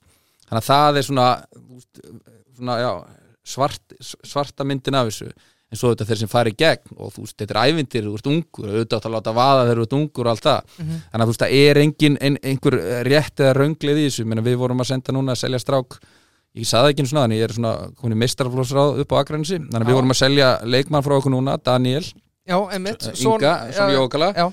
bróður Ísaks. Og minna, þú, það held ég þessi strákur sem er algjörlega tilbúin til að fara í þetta umhverju 16 ára gamall, búin að vera að spila með okkur hérna heima, þannig að þetta er rosalega einstaklingsbundið, hvað hérna, hvað vill. En, en þú veist, það sem er alltaf hrættastur um, að það sé ekki haldið nú og vel utan um þessa stráka, uh, að þú veist, að þeir komi brotnir úr þessu og það er ömurlegt og, og það, það, þú veist, það reynir mikið á foreldrana og, og, og alla í kring einhvern veginn um að, að stýra væntingun líka að, að, hérna, að, að, að hérna, halda vel utan um því að þetta eru mikil vombrið þegar þessi hluti ganga upp og það er bara þannig að þeir ganga miklu oftar ekki upp heldur en að ganga upp. Já, mér finnst líka, þetta er bara kenning sem er að koma með núna Mm. Uh, Mér finnst það doldið þegar ég er að hugsa þetta að það er svona annarkot í ökla eira. Þú veist, þú ert með Gilva Sig, þú ert með Jóa Berg, þú ert með Aron Einar, þú ert með Kolben Sigþó sem allir fóru bara mjög snemma út og blómstruðu. Svo ertu líka með fullt af öðrum dæmum það sem að menn bara verða average bestuleikmenn í bestafalli sko. Þú veist, þannig að þetta er Við erum alltaf að spyrja þessari spurningur en endanum við erum alltaf komin á bara að, að veit enginn svarið við þessu. Nei, nei, nei, og meina, auðvitað dreymir allir um að vera fótbolta. Ég hef viljað vera stór, stór atvinnumar í fótbolta þú veist, hérna, Annars væri maður að ljúga. Já, Já, veist, að, veist, það, það væri bara þannig en, en veist, það var ekki mín leið ég var bara ekki nóg góður það er bara úrskup einfalt en, en, en íþrótnar gáfum manni kannski annað að, að, hérna, að hjálpa manni á annari vegferð í lífinu, bara að vera í hóp og, og vinna með fólki og einhvern veginn bara kunna taka tillit til annara og allt svoleiðis. Þannig að hérna, þetta, þetta, þetta er bara rosalega misjamt en, en, en hérna en, maður skilur alveg að sé draumur ungra stráka og stelpna að stúlkna að- að fara í þetta. Þannig að þú veist maður getur ekki stað og hlýðalum að þetta er rámt en ég segi bara að þú veist þegar að vera að senda þess að strák út það verður að hugsa vel um þá og, og hérna hjálpa þeim líka ef það vera vonbrið En talandi um Daniel, þetta er eins og með Ísak vinn okkar. Já, uh, Það þarf nú ansið mikið til þess að brjóta þessa skæðastráka Þeir bóknaði en brotna ekki Já, Og þeir eru, óskum, þeir eru samt að líðnast helviti hratt núna sko. Já, en, en Hákon og Ísak voru að verða meistarar Já, og sko þeim- hann já. var þetta ekki bara þrenna eða? ég veist, ég ef ekki. Jú, allavega byggarinn held ég og deildin sko Já, þeir eru flottir Já. Og þú veist, þeir, pæli- líka, þeir eru báðir Þeir eru óttin tvítur eða Þú veist, og þeir eru bara, það er sem að þeir eru búin að vera þarna bara í tíu ár sko. Já, Já, geggjaðir, Já. geggjaðir strákar mm. uh, Sko, ef við tölum aðeins um launin Við erum búin að tala um þau. Við erum búin að tala um þau. Þau eru alltaf há. Það eru alltaf á Sjá, Það kom að rittarspurningum Já. Og uh, það eru að sjálfsögðu búið bónus. Birkir, segð mér aðeins frá bónus. Gripið og greitt. Gripið og greitt. Ertu búin að prófa þetta eða? Nei, já það eftir. Nei, þetta er mjög þægilegt. En ég er mjög spenntur. Já, já, hlaða bara niður bónusappinu og hliðu vöruna og setur bara í pókan, þarf ekki að fara að setja aftur á kassan og eitthvað, þetta er algjör veist Bara skanna hverja vöru fyrir sig í körfuna. Já, nákvæmlega. Sæll, þeir eru náttúrulega Þetta kallar þeir nýsköpun. Þetta kalla henni í sköpun líka. Uh, Og bónus rýður á vaðið með rittarspurningarnar Fyrsta spurning er Hvernig metur stöðuna hjá þínu gamla félagi IA í dag? Það er, ég er náttúrulega mjög innvolverið að rýta núna og Já. svona verið að hjálpa til núna aðeins og hérna, hún lítur ekkert glæslega út eins og hún er núna en, en, en það er svona mín eins og við varum að tala um stjörnuna á hann eitthvað og aðeins káaringana líka, þú veist, það er mín sín það að, þú veist að getur verið sásöka fullt að taka nokkuð skrif aftur á bak Mhm. en við þurfum að byggja upp og nýtt uh, við þurfum að búa til nýja kjarna búa til kemistri eins og við varum að tala um í, í hópnum. Einhvern veginn virðingu og löngum fyrir já, sem ungu drengi sem við ætlum að láta spila að- stoltið að klæðast þessari treyju. Þannig að hérna, það, er, það er svona svolítið verkefnið. Það hefur verið, við vorum með ekkert á móti erlendu leikmannum en skagalið var með sjö erlenda leikmanni fyrra. Mhm. við fjall alltaf fara skindilösni til þess að reyna að hlaupa hraðar einhverjum árangur sem er svo ekkert svo mikill árangur þannig að útliti lítur ekkert vel út núna en, en ég hef fulla trú að það er vegferð sem við erum á en hún getur tekið tíma og þú það getur verið sásökafullt og, og, hérna, og erfitt að horfa upp á liðið sitt á þessum staðar sem það er núna. Mhm. en þessi strákar sem er í liðin í dag fyrir mér á þetta liða geta verið að berast um að komast upp. Já, við höfum farið illa stað. Mhm. en ég meina við viljum gefa þessum strákum tækifæri til að spila. Og ég meina Daniel er búin að spila, við vorum að ræða hann á hann hann er 16 ára, hann er fættur 2007 hann er búin að vera að starta þessi leiki hjá okkur og spila í þessum leikjum spila leiki vetur og hann er farin út í atvinnmennsku það er líka, við erum að búa til leikmenn sem að fara út Já. og við viljum líka fara að búa til leikmenn sem eru góðir hérna heima. Þannig að þetta mun bara taka tíma þannig að veist, það er aðsnælt að segja þessi bjartsinni en ég er það samt en, en þú veist, þetta verður þungt og erfitt en, í einhver en, tíma. en það ljóta að vera vombrið að þið komast ekki upp núna, það ekki? Ég er alltaf vombrið og vilt horfa en ég, ég veist, jú, það eru vombriði en liðið, veist, ef það er ekki nógu gott til að fara upp þá það ekki að fara upp, því að ég vil ekki að við förum upp Mhm. og fyrir þá að kaupum aftur fullt og fullt af leikmönnum. Var í sama hjólfari og farum með sama hjólfæri, liðið sem þarf að fara upp það þarf að vera nokkurt veginn tilbúin að fara upp. Auðvitað þarf að bæta Já, já. þó í það en ekki það að við þurfum að, að- kaupa til dæmis sjö erlenda leikmenn sem kostar alltaf miklu peninga. Mhm. og þú veist, þessi rekstur á mörgum sem félum er ekki sjálfbær og, þetta er ekki, þú veist, þetta er ekki þú við þurfum að snýða okkur stakk til vextið þarna. Þannig að þú veist, þessi strákar sem er þarna í dag þeir þurfa að vera nóg góðu til að bera þetta lið upp og, og hérna, ef það er ekki núna uh, þá er það auðvitað vombriði Já. en, en þú veist, fyrir mér er það þannig að ég vil freka styðja liðið þá áfram í, í, í þessari deild á meðan að það er einhver svona vegferð í gangi Mhm. Það er skýr stefna og þú er trú á henni Já. Já, ég geri það, en, en það þetta eftir að koma í ljós Já, algjörlega, já, já Örstutt, er þetta ekki galið nýja fyrirkomulega lengjadildinni eða? Þetta með annar til fimmtasæti, þessi úslættikefni Ég talaði við mig að við lendum í fimmtarsætti og fyrir svo upp þannig að hérna, það var ekki galið en, en ég er brjálaður að vera í öðru sætti Já. og hérna, svo kemur einhver annar upp Já. Þetta áttur að koma í ljós uh, Bensi Bjarnar spyr hverju var skemmtilegast að vera með í setti í Pepsi mörkun? Þarna var þetta, að velja á milli ansi Góðra manna manna, sko. Já, Já, og náttúrulega margir snillingar sko. Frábærir stjórnendur þú veist, hött og gummi Já, þannig að hérna báður einstakir og sinnhátt mikið passion í þessu ég veit ekki maður, ég var ég, náttúrulega, þú veist, ég var svo lengi já Varst heldur og ég var alltaf, ég held ég að vera notað sem svona bara svona pínu nútral gæði sko. það var einhver svona stóra sleggju frá mér sko. ég, kunni ekkit vel við það endilega sko. en það geggjaði að vera með Hjörvari, Hjörvar var frábær ólíkur mér, við erum mjög ólíkir en hérna var gaman, að- gaman að vera með honum oft sko. uh, þannig að þú veist var auðvitað lengi með honum Maggi Gilva, geggjaður sko. Æ, ég veit það ekki, þetta er bara það byrjar upptalingin sko. Já, þetta er, þetta er ömulegt svar. Já, En já, en, en já, þú veist, mér, þeir voru bara allir og þetta er svona kannski svona mesta nostalgíni sem, sem að maður var með svona, svona framan af á fyrst, já. En allt toppmenn Ég segi Reynir Hjörvar, bring them back sko. uh, Gísli Þór spyr hverju uppáhalds flugan þín? Ó, þá vantalega við. Já, Þessi er erfið. Það er Er það ekki redd, hvað heitir hún? Redd, nei, sko, Rauði ég- Francis? já, Rauði Francis. Það sem á hugminn allan eða það er veiði og ég var algjörlega sjúkur í veiði. Já, og veiði mikið. Já. og, og, hérna, og hérna það er fluga sem að margir þekki ekki sko, ég, hún, við kvöldum hana atónstöðuna þannig að fólk verður bara að googla og, og, og finna út hvernig hún er en hún hefur gefið með marga flotta lagsa Já. Ertu eitthvað að nýta þetta eða? Nei, ég er svo skjálfendur og ég er orðin hálf blindur líka. Þannig að þetta var bara eins og í fótboltan ég var aldrei sérstaklega góður í þessu fína og svona en, en hérna, gætt gert hitt. Þannig að, nei, ég, ég nýti þetta ekki. Ertu, ertu, myndur til að góða við mann? Ertu að veiða þetta almennilega? Ég er bara geggja Það er bara, mér finnst það allavega. Mér dreymir þetta á nótti nótt sko. Aha, Já, já alveg forfallið. Já, það er bara, byrjaði fyrir svona 8-9 árum sko. Já, Þannig að hérna, bara, ertu í 100 Club? næ, ég er ekki þar. Stærsta sem þú átt? 93 cm, takk fyrir. Það það er stórt sko. Já, já, já, það er alveg Það er mestaradeldin Dabbir úr hérna ég var óteklað sem er frábæra spurningu Lagsveiði og engin drikkjaleið eða sílungaveiði og drikkjaleið er, hvernig er, er menn að spyrja með veiði hérna? Nenni að segja Þetta er þetta svo góð spurning, já. Lagsveiði og engin drikkjaleið eða sílungaveiði og drikkjaleið Er lagsveiði og engin drikkjaleif Já. Það er bara þannig, ég, hérna, það er ekkit betra heldur en góð lagsveiði en, en ég get alveg sagt það að það er líka ekkit betra heldur en að fá sér einn ein stífan G.O.T. eða, eða smá viski á bakkanum sko, það er hérna eða eftir, eftir góða vakt en, en, en hérna, ég er ekki hrifin af svona hérna síðustu veiðiferðin stæl sko, Nei. ég er ekki, ég, er, ég vil njóta þess en það er alltaf gott að, sippa aðeins á einhverju sko. Hún er ekki byggð á sögum þínum með Nei, Nei, ég man það var ekki eftir því uh, Besti leikmaður sem þú spila með? Besti leikmaður ha, Ég spila með því smára og það var hann klárlega langt besti leikmaður sem ég spila með. Uh, þú veist, Býttu þú spila með honum? Spilum saman í 21. landsliðinu. Og hérna bara, þú veist, geggjaður hann en þú veist, við spilum þetta ekki lengi saman að þú veist, en þú sást þarna að hann var í bilagóður eða? já, þannig að hann er Bolton og, og vel þykkur ennþá.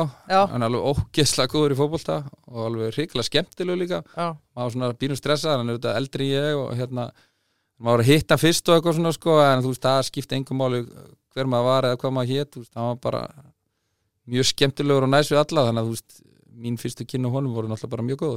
Þannig að hann er klárlega besti leikmaður sem ég spilaði með en, en svona besti samir þú veist, þannig maður alltaf að fara bara í, í þú veist ég spilaði með Sigga Jóns, stórkostlegu leikmaður bara eitt svo besti, Gulli Jóns, Óli Þórðar þetta eru allt Já, frábæri leikmenn.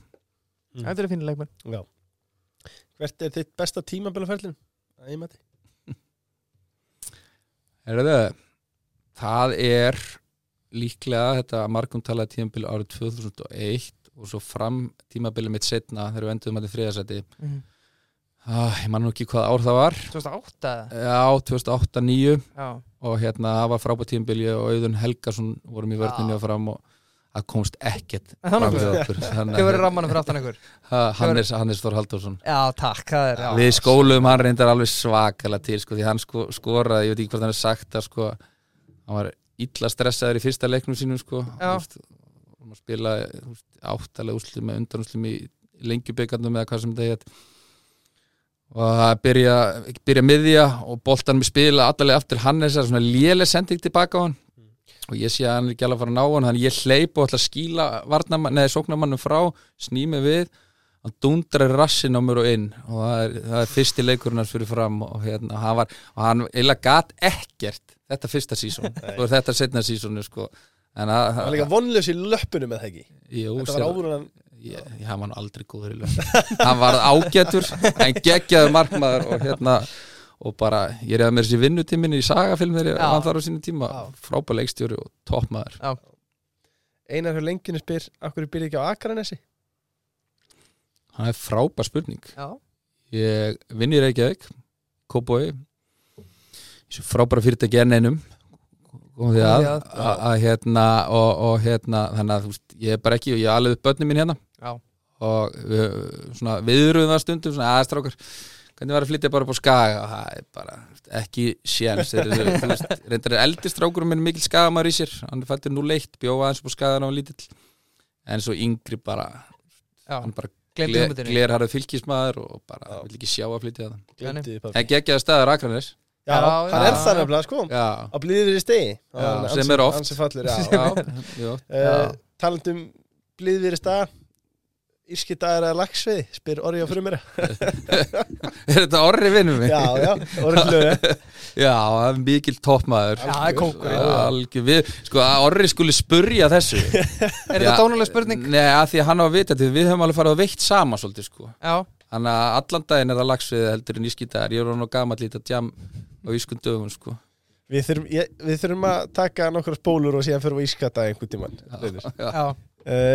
Þín skoðun á Harry McQuire, spyr Nikola Djúrits. Ef við fórum við yfir þetta á hann Þú, þú var- ekki hrifin. Nei, ég var alltaf þráast við og sagt, jú, hann er góður, hann er, þú veist, hann er fín og eitthvað svona, sko, svo er hann bara, hann er alveg ömurlegur, sko Sorry, kostaði líka bara Ég er að 80 spá að spyrja þessar spurningar eins og viðbóta. nefnir að spyrja Já, að- Er það ein ennið það? Herri, uh, Pétur Magga meina góð hérna. Uh, hjálpaði það til að vera myndalegu miður og okkur er vestri svona líklegir til að fara upp í bestu deildina. Já, hans orði, ég sé eitthvað myndalegur ég, ég, er nú ekki vissum að allir myndi taka, taka undir það Það eru líka hans svona vestri séu svona líklegir að fara upp í bestu Já, deildina. sko. þannig að ég held að ég þurfi bara að vera ósamlegun með báður, sko Ég held að vestri fari ekki upp og, og hérna ég held að ég ekkit verið annarlaði fyrir fegur minnin á vellinu, sko, en ég, ég var með síða lokka þarna, það er svona, Já. það er kannski svona, hérna. Og fallegur einan líka. Já, Já, varstu, varstu hárprúður? ég var alltaf, ég framan á tímabili var ég með, hérna var ég með svona, hvað, band í, hérna, Já, hausnum? já, til að halda topnum frá og, og hérna fannst ég vera alveg geggjað sko. Já. Ég hvet fólk til að horfa á honan vestraleik um helgina þar sem menn hefði bara verið í því sko. eitt sem var meig á völlin og eitt sem og markmaður fór með á völlin og greip boltan, þetta var heldur skemmtilegt Uh, já, og vestri unnuður ekki? Jú, fyrsti, fyrsti sigur Já, flott. Þannig að Pétur Magg, hann er sáttur í dag Já, já. Um, já, Ernir Albergs með aðra skemmtilega hérna. sko, það er svo gaf með rittarspurningarnar. Það fór hver sem er að spreita sig, sko. Já, við erum ekkert mikið að reynd skoða Nei, nei. Uh, Ernir Albergs spyr hversu frábær eigandi er Todd Bowley á skalunum 1 upp í 10? geggjur spurning. Sko, ég veit ekki sko hvað er- þeir þeir að kvart undan honum? Já, Já, kannski að því hann skipti sér of mikið að hva, ég, ég veit ekki hvort hann skipti sér. Ég meina, gæðin opnaði veski fyrir ykkur og þið gáttu bara fengi bara það sem þið vilduð. Jú, það eru engin kvartaði við því sko en, en, en, en þú veist hérna, þú veist, þetta var kannski aðeins svo mikið. Þetta var kannski aðeins svo mikið að leikmönnum. Venjulega kvartaði við sko að eigendur er ekki tilbúin að rífa veski sko. Já, þetta er eitthvað skrítnasta bara ástand sem ég hef séð í fótbolta. Já, bara, en þetta er eftir sem ég sagði sko, þú veist, það tekur tíma að búið til kemistri liðsild, liðsildin er kannski líkilor þú talaði með valslið sem ég var í algjörlega geggja þarna sem ég talaði um og þú veist af hverju sumlið funkar eða funkar ekki þetta er bara liðsild og, það bara, og, og þú byrði ekki, til- þú smellir ekki fingur og byrði til liðsildir og nærði leikmenn. Og þú getur grísast á það og ná í allar sem frábæra leikmenn en það er alla líkur á að það verði eitthvað algjört klúður þanga til einhverjum texta að ná þeim saman og, og hérna búa til eitthvað úr því. Algjörlega.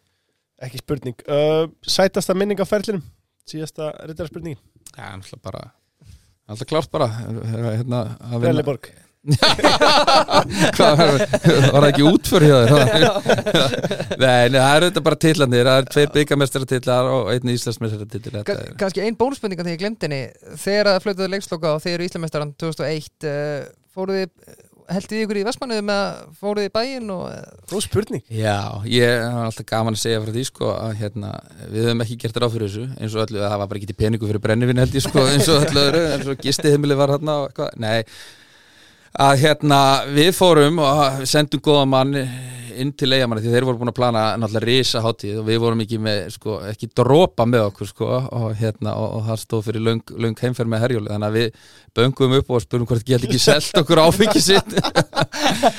Og þessi toppmenn sem eigamenn eru þetta er þetta bara besta fólk bara sem þú finnur að, þeir eru þetta að leta okkur fór nóga víni sem við tókum með okkur í Herjólf og drukkum þar í góða þrjá tíma og svo var rúta upp á Akranes og þar beðið bærin, bara nánast í allu bærin eftir okkur á torkinu þar sem að var farið að tekið vel á því. Þannig, að, hérna, já, uh, Það er komið að hraðspurningunum já, og það eru að sjálfsögðu búið Bankans Bistró já, heldur betur. Og það er heldur betur stemning 9. júni næstkomandi á Bankanum Bistró Já, fyrstæðin Já, þá ætlum við að breyta bankanum í Bankin Nightclub. Já, takk fyrir. Pretty Boy Chock og mætir og heldur stemningunni uppi. Klukkan 11, DJ Gassi verður svo þarna fram á nótt þannig að Jú, jú.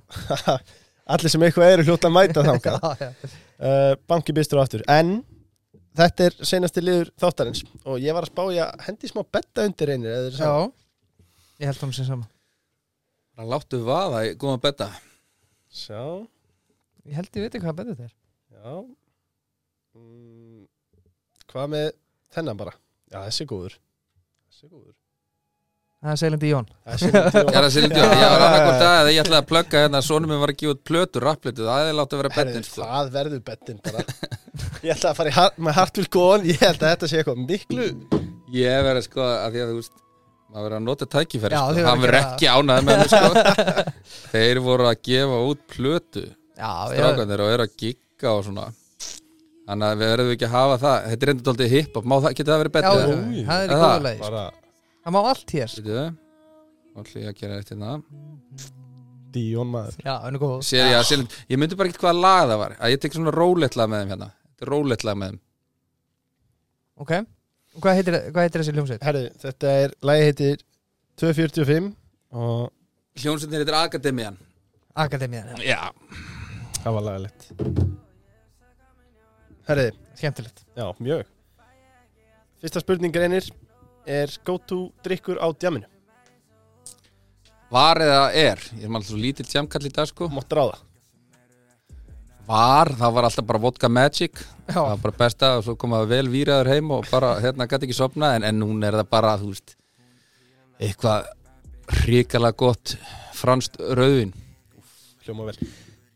Uh, Er við eftir sóknarmæður sem þú spilaðar á móti? Gumben, klárt ekki fljótur, ekki sterkur og, en hann bara, hann kunni leikin betur en allir þar Bestur í klefa?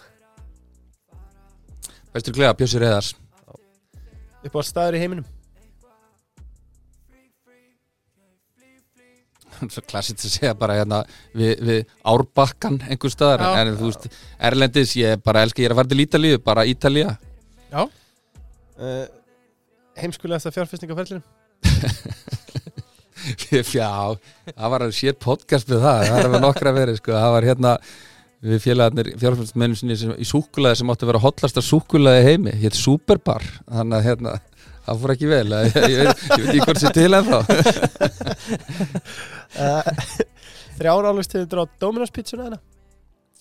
Uh, hjá Magga vinni mínum. Já, Magga Haflega, við vorum saman í NBA-námunu já, já, kongurinn Já, uh, ég vil bara hafa pepperoni og, og, og hérna sveppi og hakk. Já, eitthvað klassist já, já. ég er gamlega í skólinn Þetta er gamli skólinn Þetta er svona skagapizza. Já, en að fá góða kvítlusóli með líkilætri Já. Herri, vel á minnst, það er náttúrulega megavika Það er mega vel 890 kall. Já, já, Það ef þú gjöf- sækir. gjöf- Há rétt, ef þú sækir. Uh, Hann er hann segur, strákurinn. Þetta er flott er, er ekki ánum með þessu Jú, stóli? Jú, þetta er gegn gott. þetta er svona rólegt en, en hérna, ég, ég mæli með að þið hlusta á blöðuna Já, við, Akademían. við munum gera það um, Uppáhalds knattspindum maður í sögunni í sögunni Já. uh, Erik Cantona mm. uh, Besti þjálfur allra tíma fyrir utan Ferguson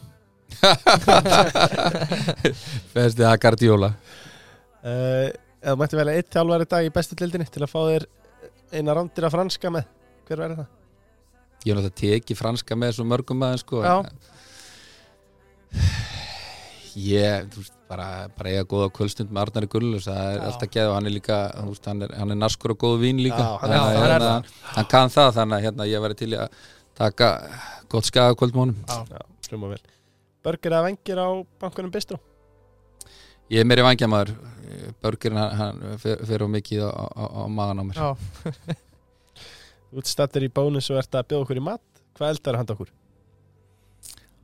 Ég þyrfti til að henda ykkur á grilli bara. Já, Grill okkur aðeins. Já. Ætli við færum ekki bara í góða tutta Já, já, Það hljóma vel teka. Uh, Hvernig þarftu næst að fara með bíliðin í skoðun hjá frumir? Hvenar? Ég þarf bara að tjekka á því, ég veit það ekki hef Spurningum að Orri sendi það bara á mig Mér finnst að hann er að hérna nú lélt þess ekki búin að já, Um, eitt ráð til Já, þetta er loka spurningin sagt, eitt ráð til ungra knattspindumanna Eða og hvenna já. Þetta er frábær spurning. Ég fór að tala við strákunni í skagaluðuna þessu daginn sko og það margir ungir þar. Mhm. Auðvitað er þetta allt þetta klassíska einhvern veginn að, þú veist, þar ertu bara að tala það er ekki allir sem vera atvinnumenn. Og þetta klassíska er auðvitað bara að þú veist, þú ert að leggja þið fram vera einbyttur, fókuserar, hugsa um þið innan sem utanvallar og allt það. En það sem ég segi við alla, alla, þessa yðkjöndur er, er að bara njóta þess að vera í þessu. Og, og njóta þess að vera í skemmtilegum hóp, þú veist, þarna ámaður vini og eignast vini fyrir lífstíð. Og einhvern veginn að taka út úr þessu að hafa gaman að þessu og sérstaklega sem er að spila hérna heima að, að, að þú veist, áður þú veist á þá ferillin búin og þetta kemur ekki aftur. Þannig að þú veist, að njóta þess svolítið að njóta þess að vera í þessu mómenti þetta er voðalega klísukent, en það, það er það samt að, að njóta þess að fara á æfingu njóta þess að vera innan um viniðina vinkonuðinar uh, og alveg saman er komin til mistarflokk maður sér eftir þess að stráka vera svona einhvern veginn að eh, hálf þrúað á pressu henda því aðeins bara og, og njóta þess að vera í hóp og, og gera eitthvað skemmtilegt um vinuðinum og bæta því í veist, þetta er svona, myndi ég segja fyrir heildina. Mhm. það er, þú veist þið hefði haft fótbolt eða þið voru í skáka einhverju, þú veist, þið eignist vini í þessu þú veist, það er það sem að, þú veist, það er það sem að sittur eftir þú veist, maður var eitthvað að baks í þessu en þú veist, það sem að sittur eftir eru minningar og góðu vinnir þannig að þú veist, það held ég að segja nummer 1, 2 og 3 að, að njóta þess bara að kunna vera í hóp og, og, og hafa gaman. Algjörlega. Takk fyrir kvöldirinn takk Takk, takk